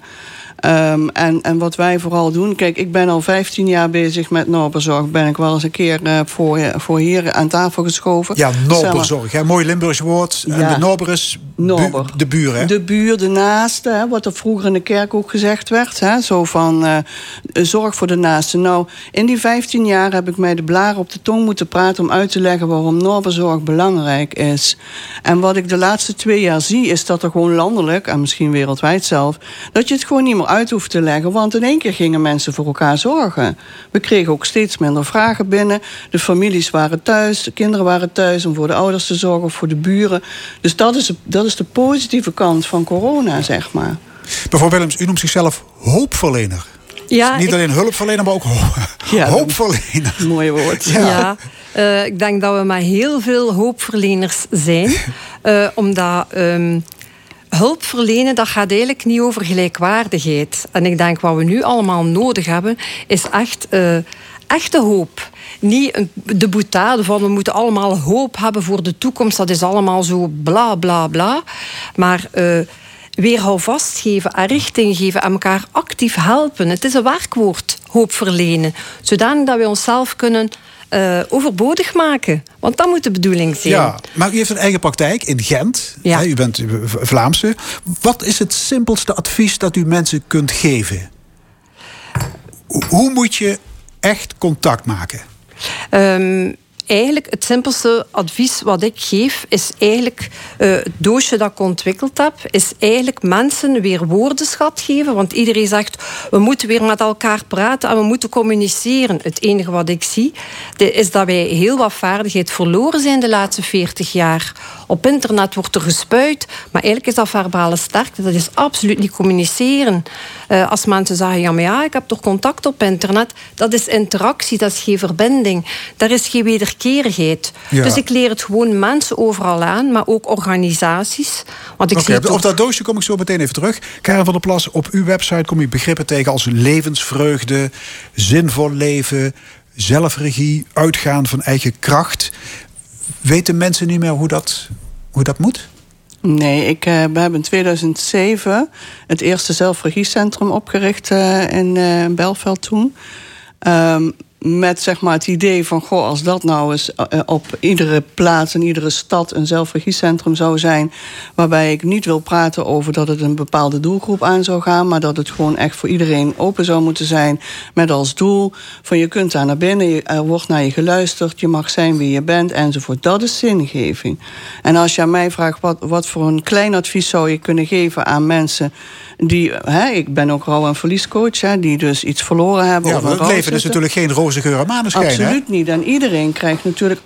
Altijd zijn er live events en iedereen krijgt met rouw en verlies te maken. En wat ik nog steeds heel erg vreemd vind, is dat rouw en verlies ondersteuning zeg maar niet in het basispakket zit. Terwijl iedereen ermee te maken is, dat je er heel erg eh, zeg maar ziek van kunt worden, depressief enzovoort, als je dus je rouw verstoord zou ra- raken. Nou, en wat, wat eigenlijk in rouw, maar in, eigenlijk in alle ondersteuning of in alle ontmoetingen belangrijk is, dus één woord voor mij, dat is present zijn. En dat is gebaseerd op de presentietheorie. Eh, en present zijn is eigenlijk gewoon, ik wil me verbinden met jou, ik sluit aan bij jouw beleving. Dus ik ga klaar, je... klaarstaan voor de ander, eigenlijk. Klaarstaan is iets anders, want klaarstaan is helpen. En in helpen zit weer iets wat, wat Lieve net zei, zeg maar. Die, die, er zit niet de wederkerigheid in. Oké. Dus het is vooral luisteren en proberen aan te sluiten. En dan luisteren, echt met de intentie om je te verbinden... Zonder iedere keer maar te denken: oh ja, dat heb ik ook meegemaakt. Oh ja, dat herken ik. En dan het gesprek overnemen. Dat is niet luisteren. U noemt zichzelf student van de Universiteit van het Leven. Ja, mooi hè? Ja, u bent nooit, nooit uitgeleerd Nee, de nee, nee, ik heb ook nog geen diploma. Nee. Mevrouw Willems, u bent geen fan van de digitale revolutie, hè? Vindt Eh. u dat de computer en de social media en de smartphones en zo... dat die halve zombies van ons hebben gemaakt? Ehm, door het feit dat ik eigenlijk al 40 jaar bezig ben met terreinen en positie en contexten en communicatie, dacht ik 20 jaar geleden: oh my god, en nu gaat het komen. Nu gaat er digitaal gecommuniceerd worden, maar we gaan de onderhandelingsvaardigheid erdoor kwijtraken. Want eigenlijk al wat digitaal is, heeft een nieuwe machtsverhouding geïnstalleerd. Als je de telefoon neemt of rechtstreeks met elkaar praat, heb je wederkerigheid. Dus ik ben heel blij met de komst van de digitale wereld, maar ik ben ontzettend verdrietig, want iedereen zei we moeten met al die nieuwe dingen maar leren omgaan. Het enige wat we daar hebben, hebben uitgeleerd is dat er ontzettend veel kwetsuren zijn voorgekomen. Ja, er is geen sprake van echte communicatie. Het is vooral zenden, zenden, zenden. Zenden. Ja. En ook een heleboel vuiligheid wordt er Ja, ja. permitteert je van alles, hè, want Ja. eh, je, je zit niet in die verbinding. Dus eh, je schopt er gewoon op los als je er zin in hebt. Ja, Dus want goed, ook, goed hè. luisteren is heel belangrijk. Hè, Goed luisteren is voor mij het enige advies wat ik kan geven. En voor de rest is, en dat geldt ook voor de hulpverlening, het geldt voor huisartsen, noem maar op. Als je dat doet en je ziet de ander echt daar waar die, eh, waar die eh, zeg maar eh, op dat moment is en wat hij nodig heeft. Of die dat al dan niet zegt. Nou, mensen in rouw, met name jongeren, gaan niet tegen mij zeggen: Goh, hey Karen, wat fijn dat ik met jou mag praten, dit en dat heb ik nodig. Dat gebeurt dus niet. Dus je zult andere dingen moeten zoeken om in die verbinding te komen met, met die persoon, met die jongeren, met die kinderen. Kinderen waar bijvoorbeeld hun vader zelfmoord van gepleegd hebben. Ja, ik noem maar even een dwarsstraat. Dat gebeurt dus elke dag. En hoe ga je daar dan mee om? En dan, dan eigenlijk heb je niks. Je hebt niks als alleen jezelf en de intentie om je te verbinden en te luisteren zonder oordeel. U bent actief in de Nobelzorg Ja. en de participatiesamenleving, buurtinitiatieven. Ja. Ik bedoel, digitalisering is natuurlijk ook een prachtig middel om buurtbewoners te mobiliseren en Ja. met elkaar in verbinding te brengen. Ja, wij hebben En- dus geprobeerd binnen het Nobelzorgproject om internetcafés op te starten. Omdat Dus het- heel veel... ik wil maar zeggen, het heeft ook goede, goede ja, kanten natuurlijk, toch? zeker, Hè? Zeker, omdat heel veel mensen, hè, en, eh, zeg maar de, de, de mensen van mijn ouders, hè, de leeftijd van mijn ouders, alles moet digitaal, een DigiD. Als ik aan mijn vader zeg van je hebt een DigiD nodig om je, in te loggen bij het ziekenhuis, zegt die DigiD, hoe schrijf je dat? Snap, snap je? Dus je, die oudere generatie moet je wel nog helpen. En daar hebben we dus internetcafés samen met de bibliotheek en de huisartsen, want die zien dus heel veel laaggeletterdheid. Dat is een onderwerp, daar wordt niet over gesproken. Maar dat komt dus heel veel voor. En bij de huisartsen merken ze dus dat, dat heel veel mensen daar last van hebben. Dus, dus ja, het, het, het is een instrument om mensen te helpen te overleven zeg maar, in deze eh, maatschappij. Ehm mits je ook het andere blijft doen. Mits je ook echt dat, dat contact. En wat je dus ziet eh, in de coronatijd de afgelopen twee jaar, in die, in die projecten waar wij werken is dus dat er heel veel eenzaamheid is. Dus eh, heel veel mensen. Ik werk nu in Roermond in, in, in, een, eh, in een woontoren. Daar hoorde ik van de beheerder dat, er, dat hij gezien had dat er mensen één jaar, een heel jaar, niet buiten de deur zijn gekomen omdat ze bang zijn, omdat ze niet weten, nou, noem allemaal maar op. En dan kun je zeggen, ja, die digitale wereld, daar, dat helpt je om in contact te blijven. Maar als ze het niet kunnen. Dus er is, Ja. er is heel veel. Ja, er Dat is is misschien gewoon- wel het grote sociale probleem van, het, van deze tijd. Eenzaamheid. Eenzaamheid is het, Ja. ja. een van de grootste Er is gelukkig wel veel aandacht voor. Hè? Er Van is landelijk ook een heel groot programma, een paar jaar geleden gestart vanuit VWS. Dus maar, dus, maar dat gaat allemaal van bovenaf. Dus allemaal, hè, de hele mooie projecten komen eruit. Maar ik ga er nog steeds vanuit dat het één op één is. Eenzaamheid is iets waar mensen niet over praten. Dus in de ontmoeting kun je langs een achterdeur of, een, of via een zijingang kun je in gesprek komen. Al gaat het dan maar over het weer of het hondje. En als je dan blijft en in die verbinding komt, dan hoor je pas de verhalen. Lieve Willems, u zegt ja. We moeten terug naar eh, de menselijke relaties. Hè. Minder digitaal, meer het echte leven. Zoiets. Ja, ik, ik, ik zeg heel vaak, digitaal zijn we ongelooflijke Einsteins geworden. Maar als het gaat over conflicthantering, samen oplossingen bedenken, daarin zijn we gewoon Flintstones Ja. geworden. Maar hoe krijg je mensen zover?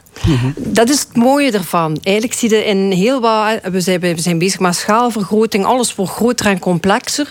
Ik neem nu het voorbeeld. Vroeger, de dokter had altijd gelijk. Eh, patiënt en familie stond van onder. Nu zie je daar een shift in van... patiënt en mantelzorgers die moeten met drie samenwerken. Dus indien in 1, 2, 3 piano zit spanning. Dus ik geef vorming aan mantelzorgers. Maar ook aan patiënten en aan hulpverleners om een samentaal te hebben waardoor dat iedereen plek heeft. Dat zie je ook hetzelfde in het onderwijs. Vroeger ouders stonden van onder samen met de leerlingen. Nu, nu zie je de scholen en iedereen zoekt zijn plek. De ouders te veel boven, te veel van onder. Terwijl ik overal vorming geef aan die driehoek. En dat is fijn, want daardoor kan iedereen, als er verschil is, er samen op terugvallen. Want bijvoorbeeld eh, gezinnen, dat is dan de leefcontext, ouders en kinderen. Ehm, patiënten en familie, dat is leven. Maar dan heb je aan de andere kant de professionals. En eigenlijk is dit gewoon ook een turbotaal van hoe werk je samen tussen leven en werken. Voordat we eerst allemaal moeten uitvloeien van heb je mij begrepen, wat, wat, wat wil jij, wat is jouw gevoeligheid. Tegen die tijd zijn we tien jaar verder. Ik kom terug op uw doosje. u heeft een universeel relationeel Esperanto ontwikkeld. U heeft net voor de uitzending heeft u me een doosje gegeven. Dat bestaat uit 33 termen. Relatietaal en tool in 33 woorden. Noem eens een paar van die termen. Um, bijvoorbeeld een ik-ding. Um, eigenlijk, eigenlijk sukkelen we heel vaak met territoriumconflict. Hè? Uh, 40 jaar geleden zag de wereld er anders uit. En uh, nu, de dag van vandaag, zie ik, bijvoorbeeld mensen er, er overvallen van het feit dat er iemand aan hun portefeuille komt? En, en in de gsm kijkt. Ja, daar is al ruzie over. En dan zegt iemand, maar het was wel goed bedoeld. U, uw telefoon hing net af. Door gewoon te zeggen, dit is een ik-ding. Dat betekent vraag gewoon toestemming. En je moet ze ook krijgen. Vroeger een foto zat in de album. Nu staat hem gewoon soms op internet. Een foto is ook van uw lijf, dat is ook een ik-ding. Mm -hmm. Dus ook digitaal. Dit stuur je niet door. Als ik morgen op u verliefd ben, 40 jaar geleden ja. zou ik een briefje onder de bureau gesmeten hebben. nu stuur ik dat via internet. En voordat ik het weet, weet heel Nederland dat ik een oogje op u heb. Nee, mijn gevoel is een ik-ding. Dus dat zijn het gaat over universele dingen. Iedereen is territoriumgevoelig. Oké, okay. en wat moet je met dit, met dit doosje doen, met die 33 woorden? Is het een gezelschapsspel? Of wat, wat is de bedoeling? Mm -hmm. Eigenlijk wacht je, het... Kun je thuis spelen? Het gaat zelfs niet over spelen, het is eigenlijk een metafoor. He, voor de grote transitie hadden we eigenlijk maatschappelijke gezelschap spelen. He, uh, een koppel zijn, uh, uh, opgroeien, opvoeden, samenwerken, samenleven. Maar dat was allemaal geregeld. Hè? Door de rangorde, er was taal. Iedereen wist wat van elkaar te verwachten. En wat de spreekwoorden en veel Bosmans. Ideaal was die tijd niet. Maar net zoals bij die maatschappelijke gezelschapsspelen bij een gezelschapsspel is er toch een bepaalde organisatie van de dingen.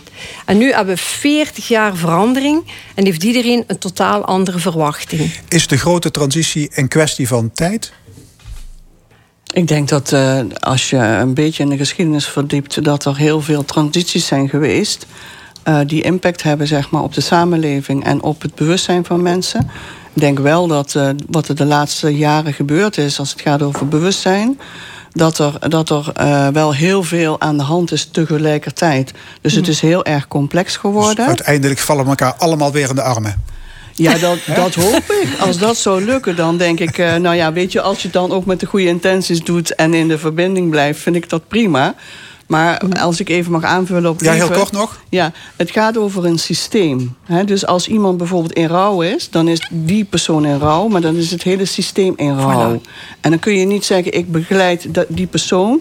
maar je moet dan in de hele context en het systeem... moet je dus gewoon iets doen.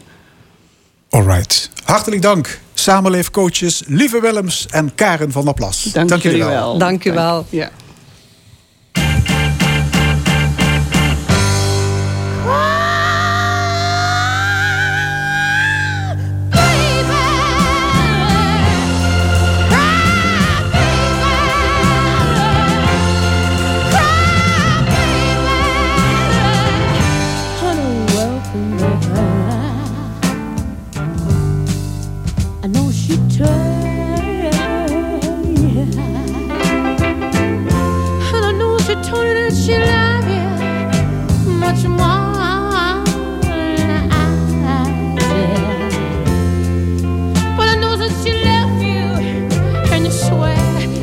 just don't know why.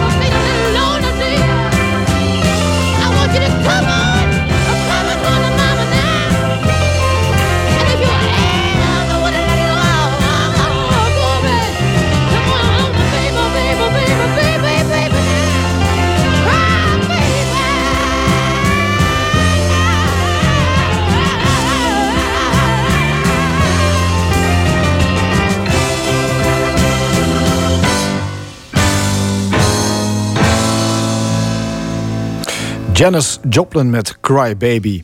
En dit is L1 Radio met De Stemming. Zometeen bespreekt het opiniepanel het nieuws van afgelopen week. Maar eerst voetbal, eerste divisie. Collega Rick Kremers die zit in de Koel in Venlo. Daar is de wedstrijd begonnen tussen VVV en FC Dordrecht. En eindelijk weer publiek aanwezig, eh, Rick. Ja, inderdaad. Nog negen wedstrijden zonder publiek. Vandaag in een stralend zonnetje, want de koel is in zon gehuld.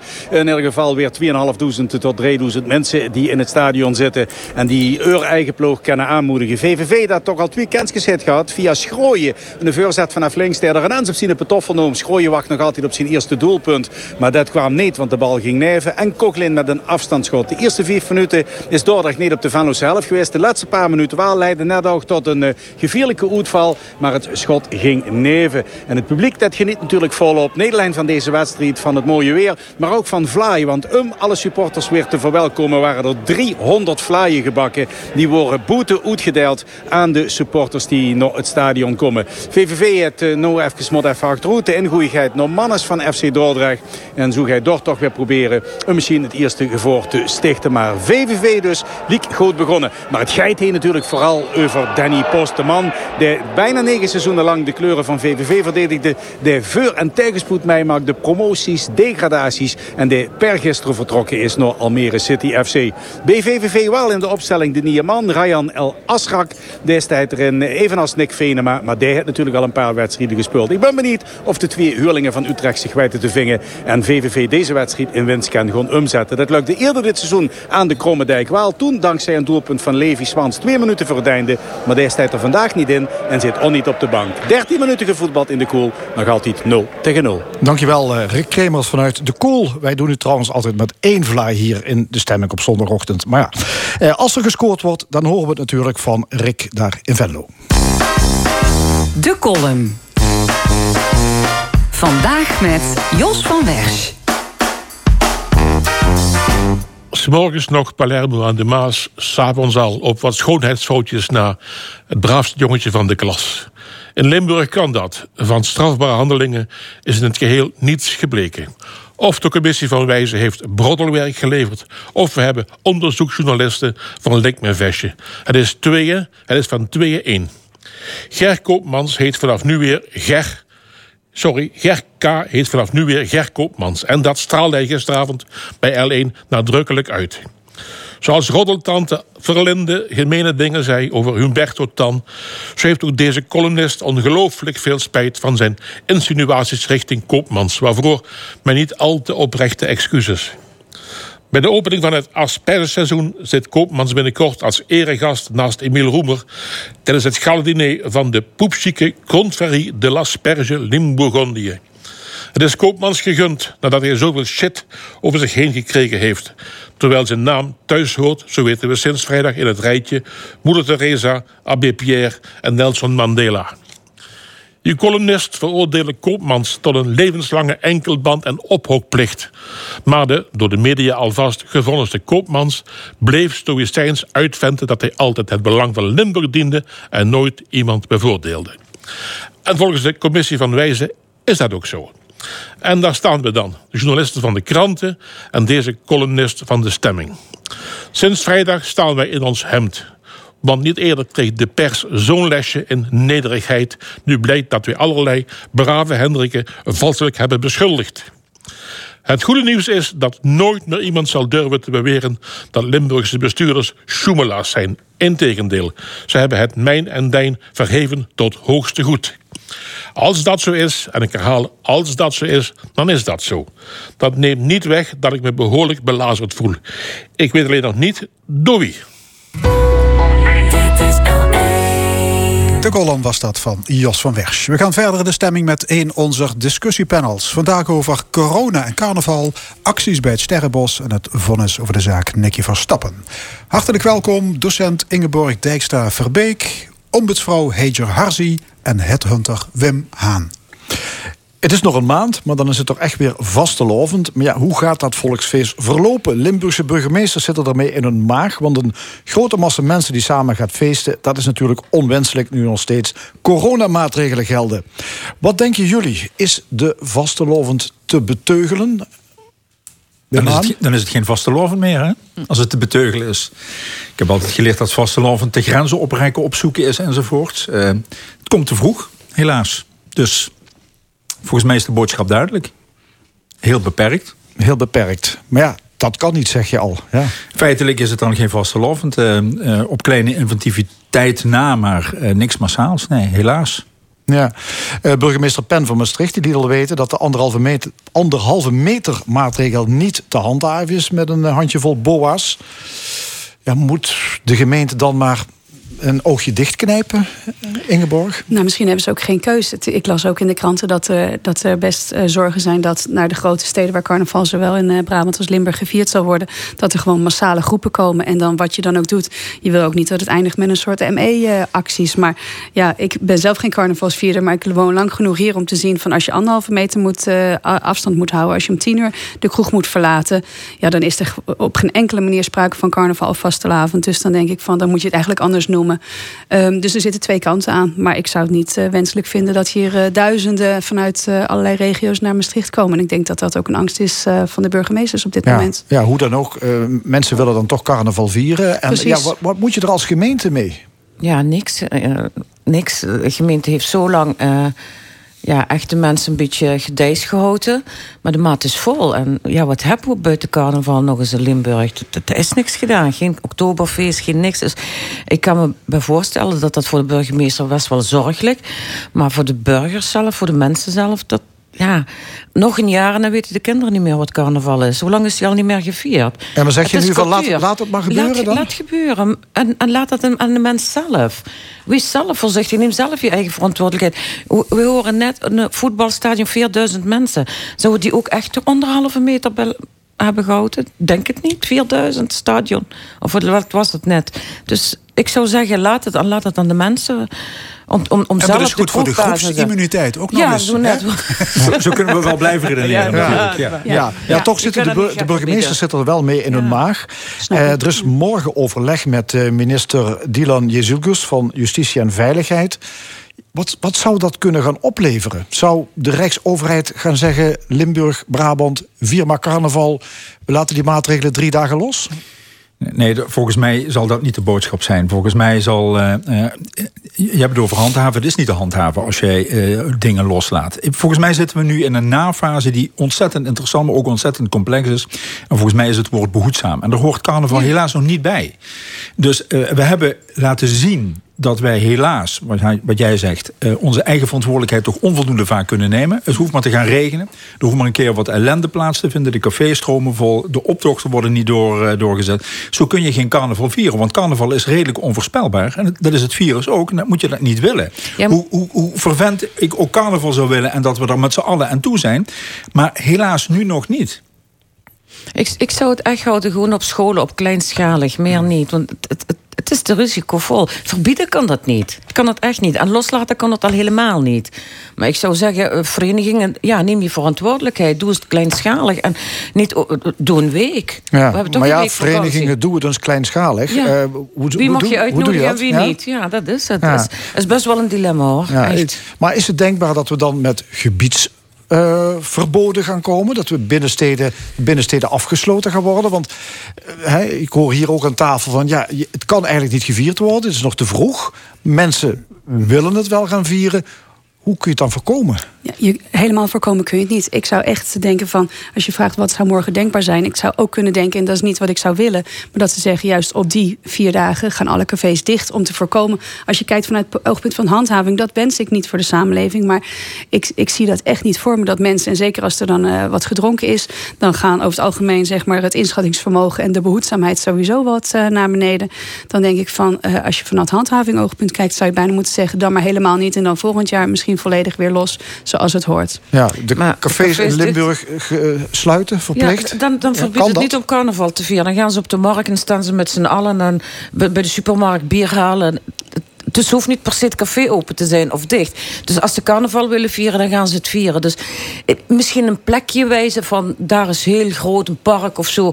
En daar kan gezamenlijk eh, iets Ja. van muziek of zo. Een soort eh, festival of zo. Hou het op til.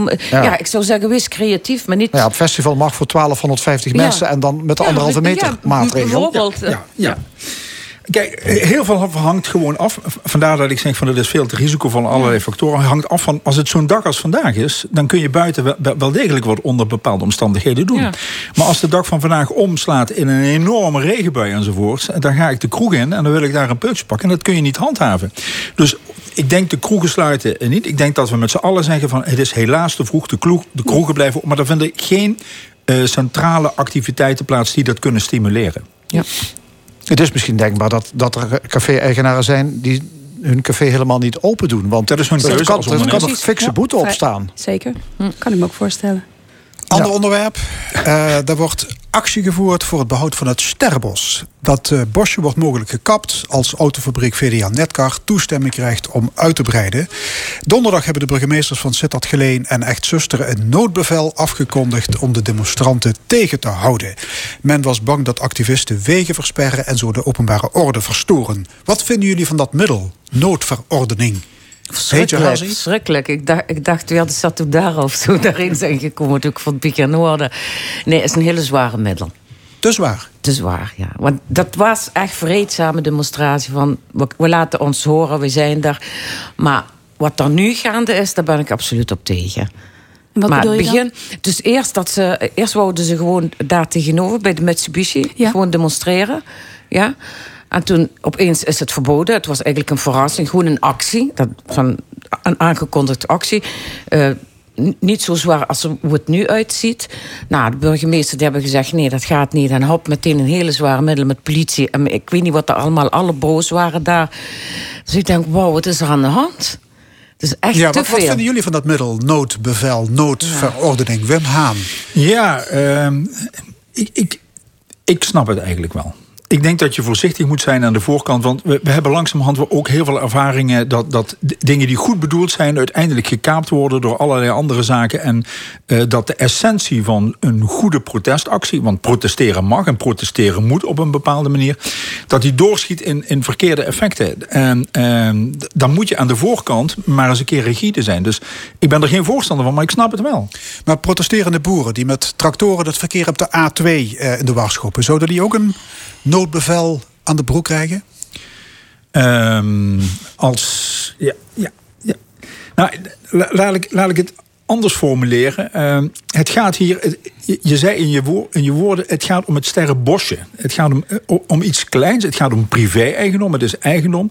Het wordt gekaapt voor de beeldvorming. En daar heb ik wel bezwaren tegen. Dus ik denk dat alles goed geanalyseerd moet worden wat hier nadrukkelijk nodig is. Ik, het is onder de rechter en de rechter moet iets bepalen. En nu wordt het een enorme hype om iets op te, te gaan tussen cultuur, tussen milieu en tussen economie. En tussen klein en tussen groot. Dat zie ik naar voren komen.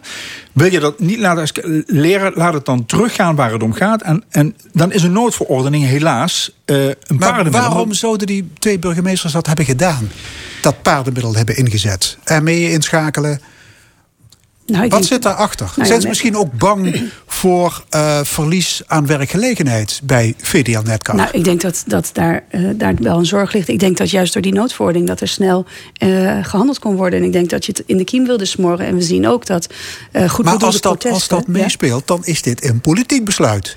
Ja, dat klopt. Maar je, dat, en dan gaan ze volgens niet... mij helemaal een boekje te buiten. Nou, dat weet ik niet. Als want burgemeester ik denk dat je, dat je toch? nu ziet dat protesten goed bedoeld... en het recht van protesteren, vrijheid van meningsuiting... is natuurlijk hoog in het vaandel. Maar dat je zegt van, we, we douwen dat nou de kop in... om erger te voorkomen. En als je ziet, ik las vanmorgen dat er dan met een bootje weer... Uh, een stuk of vijf of zeven protestanten naar dat bos zijn gaan. Ik denk van, uh, de focus moet zijn op waar hebben we het over. Er is dus een milieubeweging, nou prima. En er is natuurlijk de werkgelegenheid die in het spel komt. Aan de andere kant hebben we ook gelezen... ik dacht, was het in december of eerder deze maand... dat de provincie heeft de kapvergunning afgegeven. Nou, en de rechter die gaat er over een maandje over beslissen. Uh, protesteren ja, maar het moet niet te gek worden. Als ik dan lees hoeveel uh, mankracht er nu wordt ingezet... om bijvoorbeeld te zorgen dat niemand in dat bos komt... dat er geen voedselvoorziening wordt verstrekt... dan denk ik van nou, daar vind ik ook wel wat van. Met alle respect, want ik ben voor milieu, begrijp me goed. Maar dit gaat wel een beetje erg ver. Maar uh, zonder voedsel, dat is, ik heb het allemaal gelezen. Ik heb het echt, echt echt gevolgd. Ze zijn met voorbedachte raad gekomen. Ze Precies. komen helemaal uit Engeland. Ja, ja. Die zijn zo voor het milieu, maar ze pakken wel een vliegtuig hier naartoe. Ze zijn niet met fiets gekomen. Ik zag mensen voedsel brengen, niet op de fiets, maar met een Ja, ja, auto. precies. dus milieu moeten Nou, we even aan ik- de kant zetten. Even terug naar de middel. Is te zwaar, maar die was nodig. Ah, maar ik, ik vind het te zwaar. Echt te zwaar. Als ze niet zo had gehandeld, was het nu niet wat het nu is. Er zijn hele andere mensen gekomen, buitenlanders uit Engeland. Die zitten daar. Ik vraag me af, gaan ze zich douchen, gaan ze zich niet douchen? Eh, hebben ze een wc's daarboven? Hoe doen ze? Dus die, die bos wordt vervuild eerder dan... Puur eh, natuur, hè? Puur Ja. natuur, ja, Ja. inderdaad. Lekker gezellig voor de mensen die daar kort bij wonen. Eh, die mensen werken niet. Die zijn van plan tot eind maart te blijven, tot de rechter heeft besloten. Het is een privéterrein. En wat doen die burgemeester? Totaal niks. Die hangen daar vannacht of vanavond, gisteravond waren ook mensen die doen. eh, Bij de Geleenbeek zijn ze met bootjes gekomen. Dus dat stopt niet. Het wordt alleen maar erger. Dat denk ik, burgemeester. Je hebt eerst middelgebruik, gebruik hem nou ook weer. En haal die mensen daar weg. Het is, en het is privéterrein. Nogmaals, Wim zei het Dus is jij vindt dat dat sterrenbos gewoon ontruimd Ja, moet worden ja, door de ME... ja, en al die ja. demonstranten moeten worden Ja, opgepakt? Ja, want dat gaat alleen maar erger worden. Jij bent wel van de, de law and order. Nu wel, als ik ja, zo zie wel. wat er allemaal Je staat op is. de VVD-lijst trouwens, hè? Ja. Het maakt niks uit. Ik ben een mens en ik ben een inwoner van Sittard Geleen. En het gaat voor mij ook voor werkgelegenheid. Maar heet je in een democratische rechtsstaat mag Ja. je toch demonstreren? in je eigendom, Ja, dat in je eigendom, maar in je eigendom. Dus Israël die de Palestijnen hun huizen wegpakt. Dus morgen komt eentje naar mij toe zegt: je bent, ik kom hier bij jou zitten, ik pak jouw huis en je gaat eruit. Want het is mijn, het is mijn recht om te demonstreren. VDL is eigendom, het is geen openbare bos. Waarom gaan ze niet naar Dennekerbos? Waarom gaan ze niet naar DSM? Waarom gaan ze niet naar Gratheide? Hoe lang zijn ze niet aan het, red- aan het rennen voor Gratheide? Het, lijkt, het lijkt Ja. erop alsof een beetje het thema gekaapt wordt, Wordt, ja. voor, een ander, aantal andere zaken. Ik moest even denken toch aan eh, Law and Order, om dat aan te geven. Volgens mij, hè, want je zit vlak bij de A2, die weg zal maar stilgelegd worden. We hebben dat hier ooit jaren geleden meegemaakt met Vinkenslag. Dat, Ja. eh, dat de kruising hier- ja. toen was er nog een kruising. Ja. Eh, en toen stond iedereen te applaudisseren voor Leers. Hè, dat die ingreep zoals Ja. ingegrepen moest worden. Nou, hier Ja, want dat leidde tot een, vu- vu- een, file in, toen, in heel Zuid-Limburg. Juist. Dus hier, hier wordt aangegeven, prima dat gedemonstreerd wordt, dat kan. Er worden hele professionele demonstranten momenteel ingevlogen, die Ja. zitten daar. Eh, oh, maar het, het, het thema wordt gekaapt, heb ik een Maar beetje het gaat om zeven mensen die daar in een paar bomen hangen. Ja, Acht. knap. Vijf, vijftien. Ja. Of 15 nu. Nou. ja. Acht Nou, waren gisteravond een erbij aantal, gekomen, ja. ja. Een beperkt aantal. Ja, we gaan dan heel even, meer demonstranten dan ja, we, we gaan heel even naar de Koel in Venlo, want daar is gescoord, begrijp ik. Klopt, inderdaad. En dat zou toch wel een beetje aan te komen, want ze hebben wat kansjes gehad. Nick Venema, de man die van Utrecht kwam, die al scoorde in de wedstrijd tegen de Graafschap, is nu de man die vanaf Doenbee, de doelman van FC Dordrecht, kansloos leurt Bos in Een prima aanval, moet ik zeggen, van de Geel-Zwarte. De beste aanval die we gezien hebben in 29 minuten tijd. Hey, is het dus 1-0 geworden voor de mannen van Jos Luokai. Nogmaals, Nick Venema, de maker van het doelpunt. Goed, en we gaan hier verder met het discussiepanel. En we hadden het over de demonstraties bij het Sterrenbos. Die acties krijgen trouwens veel publiciteit, ook landelijk. Veel te veel. Hoe gaat dit aflopen? Ja, dat, met verliezers. Ja. Met verliezers, ik, vind, ik, ik, ik, ik probeer te begrijpen en te doorgronden wat daar speelt. En het recht op de, eh, protesteren moet natuurlijk plaatsvinden. Er is een, een, een, protestplek aangewezen, maar daar moet je niet zitten, want dan heb je geen impact. Dus het wordt met impact uh, gegeven. Ik probeer Netcar te begrijpen. Die zeggen, we willen het op een nette manier oplossen. We willen een nieuw bos. We willen zelfs bomen niet kappen, maar herplanten enzovoort, ergens anders. Maar die oplossing die is al niet meer voorhanden. Dus daar, komen alleen maar verliezers uit. En, het lijkt wel alsof uh, dingen verhard worden. We kunnen niks meer accepteren. Dat, dat vind ik... Hè, een, een jammerlijk thema. We accepteren niet meer, ook al zal een rechter uitspreken... dit is het, dan, dan, dan, gaan we in beroep. Dan gaan we toch nog op een andere manier gelijk aan. En dat vind ik het jammere van de hele situatie. En voor de alle aandacht, ik mis, ik mis WDL. Echt, er wordt bijna niks over geschreven of gezegd. Het is gewoon echt in het hoekje geduwd. Dit is zijn eigendom die denkt aan, eh, aan, aan, eh, aan, Limburg. Die heeft flink subsidie gekregen, zowel van de gemeente Sittard Geleen als van de provincie. Stel dat hij niet kan uitbreiden, waar is het gemeenschapsgeld? Waar gaat hij naartoe? Zijn we vergeten die stuk grond dat ze gekregen hebben van de provincie? Zijn we vergeten het geld die ze hebben gekregen van de gemeente? Is voor werkgelegenheid, toch? Dus waar is WDL? Is gewoon stil. Dus ik ben benieuwd maandag wat ze gaan doen. Dat is hun eigendom, dat is hun terrein. Moeten ze het maar zo laten gaan? Moeten we met z'n allen zwijgen en zeggen: oké, eh, ik vind persoonlijk economie en, en, en milieu moeten samengaan en niet apart en niet op, op zo'n manier. Het is veel te hard. Die activisten zijn gewoon veel te hard bezig, naar mijn mening. Ja. Ja. Waarvan acte. Oké, ander onderwerp. Uh, gemeenteraadsleden zijn niet allemaal te porren om na de verkiezingen door te gaan. De hoge werkdruk leidt ertoe dat één op de vijf raadsleden in elk geval stopt. Uh, ja, Heger, jij bent raadslid geweest. Maar je staat nu opnieuw weer op de lijst. Dus je zou weer in de gemeenteraad kunnen komen. Het, de hoeveelheid werk schrikt jou in elk geval niet af? Um, ja, inderdaad, omdat ik een beetje ervaring heb opgedaan. Kleine fracties is zwaar. is echt zwaar. Is, ik las ergens 16 tot 20 uur. Het is veel meer. Grote fracties is per week. Per week, ja. Grote fracties is inderdaad wat fijner. Dan kunnen ze samen doen. Maar wat ik wel heb geleerd... Um, je hebt twee, een raadslid moet twee dingen. Is volksvertegenwoordiger en controleur. En als je tussen die twee dingen kan... Um, evenwicht zoeken als volksvertegenwoordiger, dus naar, naar mensen die op hem of haar hebben gestemd, luistert en dat vertaalt naar beleid. En goed contacten met de ambtenaren en het beleid goed controleren, de uitvoer, dan gaat het wel. En kieskeurig zijn van: ik ga me niet met alle dossiers bemoeien. Als ik me met alle dossiers ga bemoeien, dan 40 uur niet genoeg. Maar als ik zeg, ik heb sociale, uh, maatschappelijk uh, stukje, nou, dan hou ik me daar bezig. En als ik iets over milieu weet, dan ga ik ook die andere collega helpen. Maar als ieder raadslid echt zich specialiseert in wat hij voor gekozen heeft, dan is het, valt, dan mee te vallen. Maar dan nogmaals voor een grotere fractie. Voor eenmaals is echt zwaar. tegenwoordig ja. heb je alleen maar kleine fracties. Door die ja, versplintering. Dat, dat is het probleem. heb je 16 fracties. Het zet dat geleen ook. Ik weet niet, andere gemeentes. Maar zet dat geleen gaat het ook gebeuren. Nu, vorige week hebben we gezien. Hè, dus? Allemaal, het, wordt lastig. Het wordt echt moeilijk. Ik heb met één raadslid gesproken. Ik zeg, waarom ben je naar die partij gegaan? Ja, zegt ze, ik heb het meegemaakt in mijn eentje. Het is niet te redden. En ik heb mijn baan daarbij. En nu ga ik bij die partij. We zijn met z'n allen. En dat is wat zacht, wat, wat makkelijker voor mij. Ja, dus je switcht naar een andere politieke partij, een andere fractie, Om want dat is dan met minder werk. Ja, ja, okay, nou, ja. Wel apart. Uh, Ingeborg, jij staat op de lijst van de ChristenUnie ja.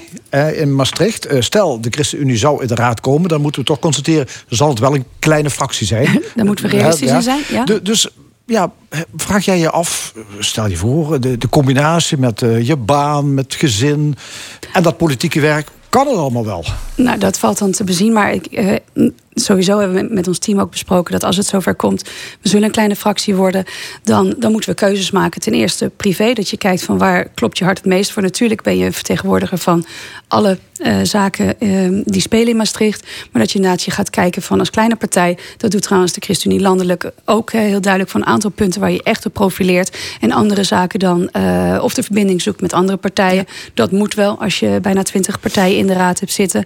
En ik denk ook van, ik ben op een leeftijd dat, dat ik denk van ik heb in ieder geval geen kleine kinderen meer. Niet dat ik, hè, dus een ander soort um, um, nou ja, belasting qua gezin. Dus ik kan andere keuzes maken. Maar het is een kwestie van kiezen en heel goed voor jezelf uh, zorgen. En daar, uh, ja, dat wordt een uitdaging. Ja.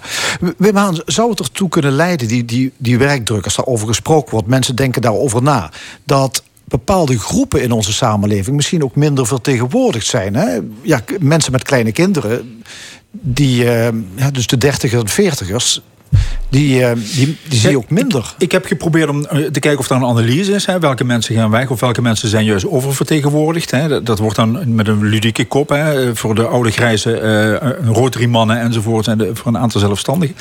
Wat, wat, ik, wat ik in elk geval zie is uh, dat het volgens mij scheef aan het lopen is in, in raden en raadsvertegenwoordigers om een... Uh, een zware, complexere rol. Want de gemeentes worden steeds complexer. Die krijgen toch behoorlijke zaken om uit te voeren, te controleren. Uh, terwijl de kwaliteit misschien nog wel aan het teruglopen is. En de diversiteit in elk geval wel.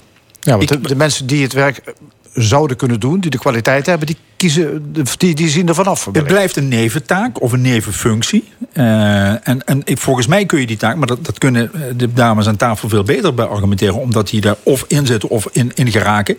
Is van, uh, dat je het volgens mij moet combineren om het scherp te houden. Uh, en dat, dat maakt het wel heel zwaar. En dat is wat, dus wat bedoel je met combineren? Is combineren werk, veel leeswerk, doordacht werk, overzien van, van consequenties, vragen stellen, verdiepen. Het is niet een bijbaantje of ik vertegenwoordig een wijk of iets dergelijks. Het is echt analyseren of iets met jeugdzorg bijvoorbeeld wel kan plaatsvinden wat bij een gemeente ja. ligt. Nou, dat zijn stukken doornemen, dat is een raadsvergadering meemaken, die worden nog een keer uitgesteld, die worden nog een keer op een volgende manier, dat is kritische vragen stellen. Dat, ik, ja, dat vind ik wel een behoorlijk verantwoorde, zware, complexe taak. Ja, en dat controlerende aspect, komt dat uh, in het gedrang? Is er gevaar dat gemeenteraadsleden misschien minder controleren dan ze zouden moeten doen hierdoor? Dat ja, jawel, ja, het risico bestaat ja, altijd. Ja, ja, ja, bestaat heel erg. Kijk, een gemeenteraad moet een afspiegeling zijn van de maatschappij. Jong, oud, uitkeringsgerechtige, hoogopgeleide, alles. Dat moet, dat moet gewoon een afspiegeling van de, maatschappij, van, van de gemeente wat daarin zit.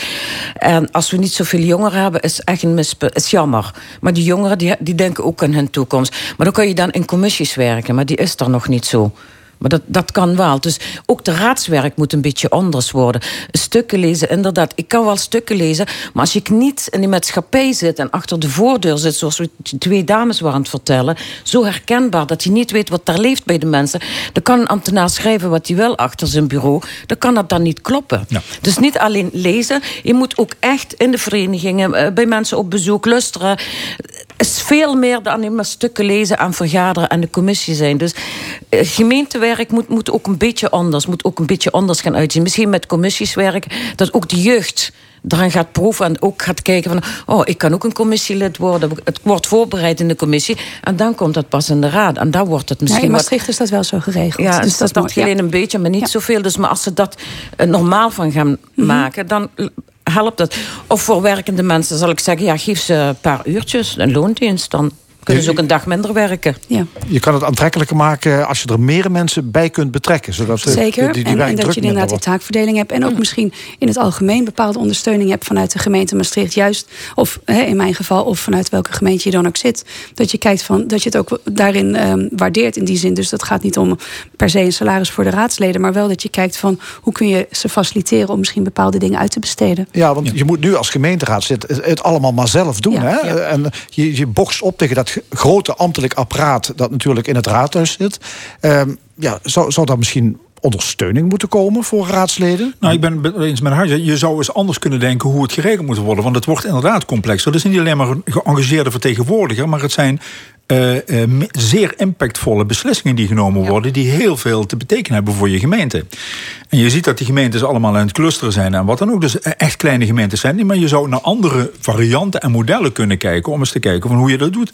Waarom staat pi- politicologie niet op een, eh, op een eh, ROC ge- geagendeerd? Waar- hoe, hoe- waar- waarom krijg je dat niet? Hè? Want de, de eigen verantwoordelijkheid en die, die vertalen kan ook door jeugd eh, Ja, de Tweede Kamerleden hebben een medewerker. Hè? Ja. Die kunnen die betalen. Nou, misschien Ja. zou je eh, misschien een aantal uren wel, wel iets van ondersteuning kunnen Ja, dat krijgen. Als je het Ja. serieus wil nemen, denk ik. Dat zul je bijna En het is serieus, zou, zouden dat Ja. interessante opties kunnen zijn. Ook, ook een stageplek voor hogeschool, kinderen Ja. die op hogeschool zitten Ja. of zo. Ook voor hunzelf. Voordat ze naar de universiteit kunnen ze ja, voor de raad iets betekenen. Het, het kan. Het, het kan. Het kan. Het zijn Dus vooral die faciliteiten ja. en niet een andere beloning. Daar ben Nee, ik het wel nee, mee die eens. faciliteiten Nee, daar is veel- gaat het- ik zeg daar gaat het werkende niet om. mensen. Als- Werkdruk kan je op verschillende manieren. Ja. eh, nou zijn wij erg blij dat we heel veel jonge mensen hebben. Dus eh, wat dat betreft kun je aan het werk is er hoop.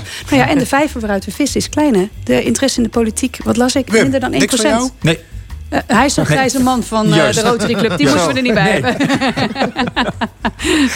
Oké, mag ik jullie hartelijk danken. Eh Heger Harzi, Ingeborg Dijkstra en Wim Haan. Tot de volgende keer. En dit was de stemming. Vandaag gemaakt door Erwin Jacob, Angel Zwarts, Fons Geraerts en Frank Ruber. En graag tot volgende week. Zondag dan weer om 11 uur. Dit programma wordt herhaald maandagavond om 8 uur. En is ook te beluisteren via onze website l1.nl. En we hebben ook een podcast. Zometeen op deze zender Sport Co. Ik wens u nog een mooie zondag.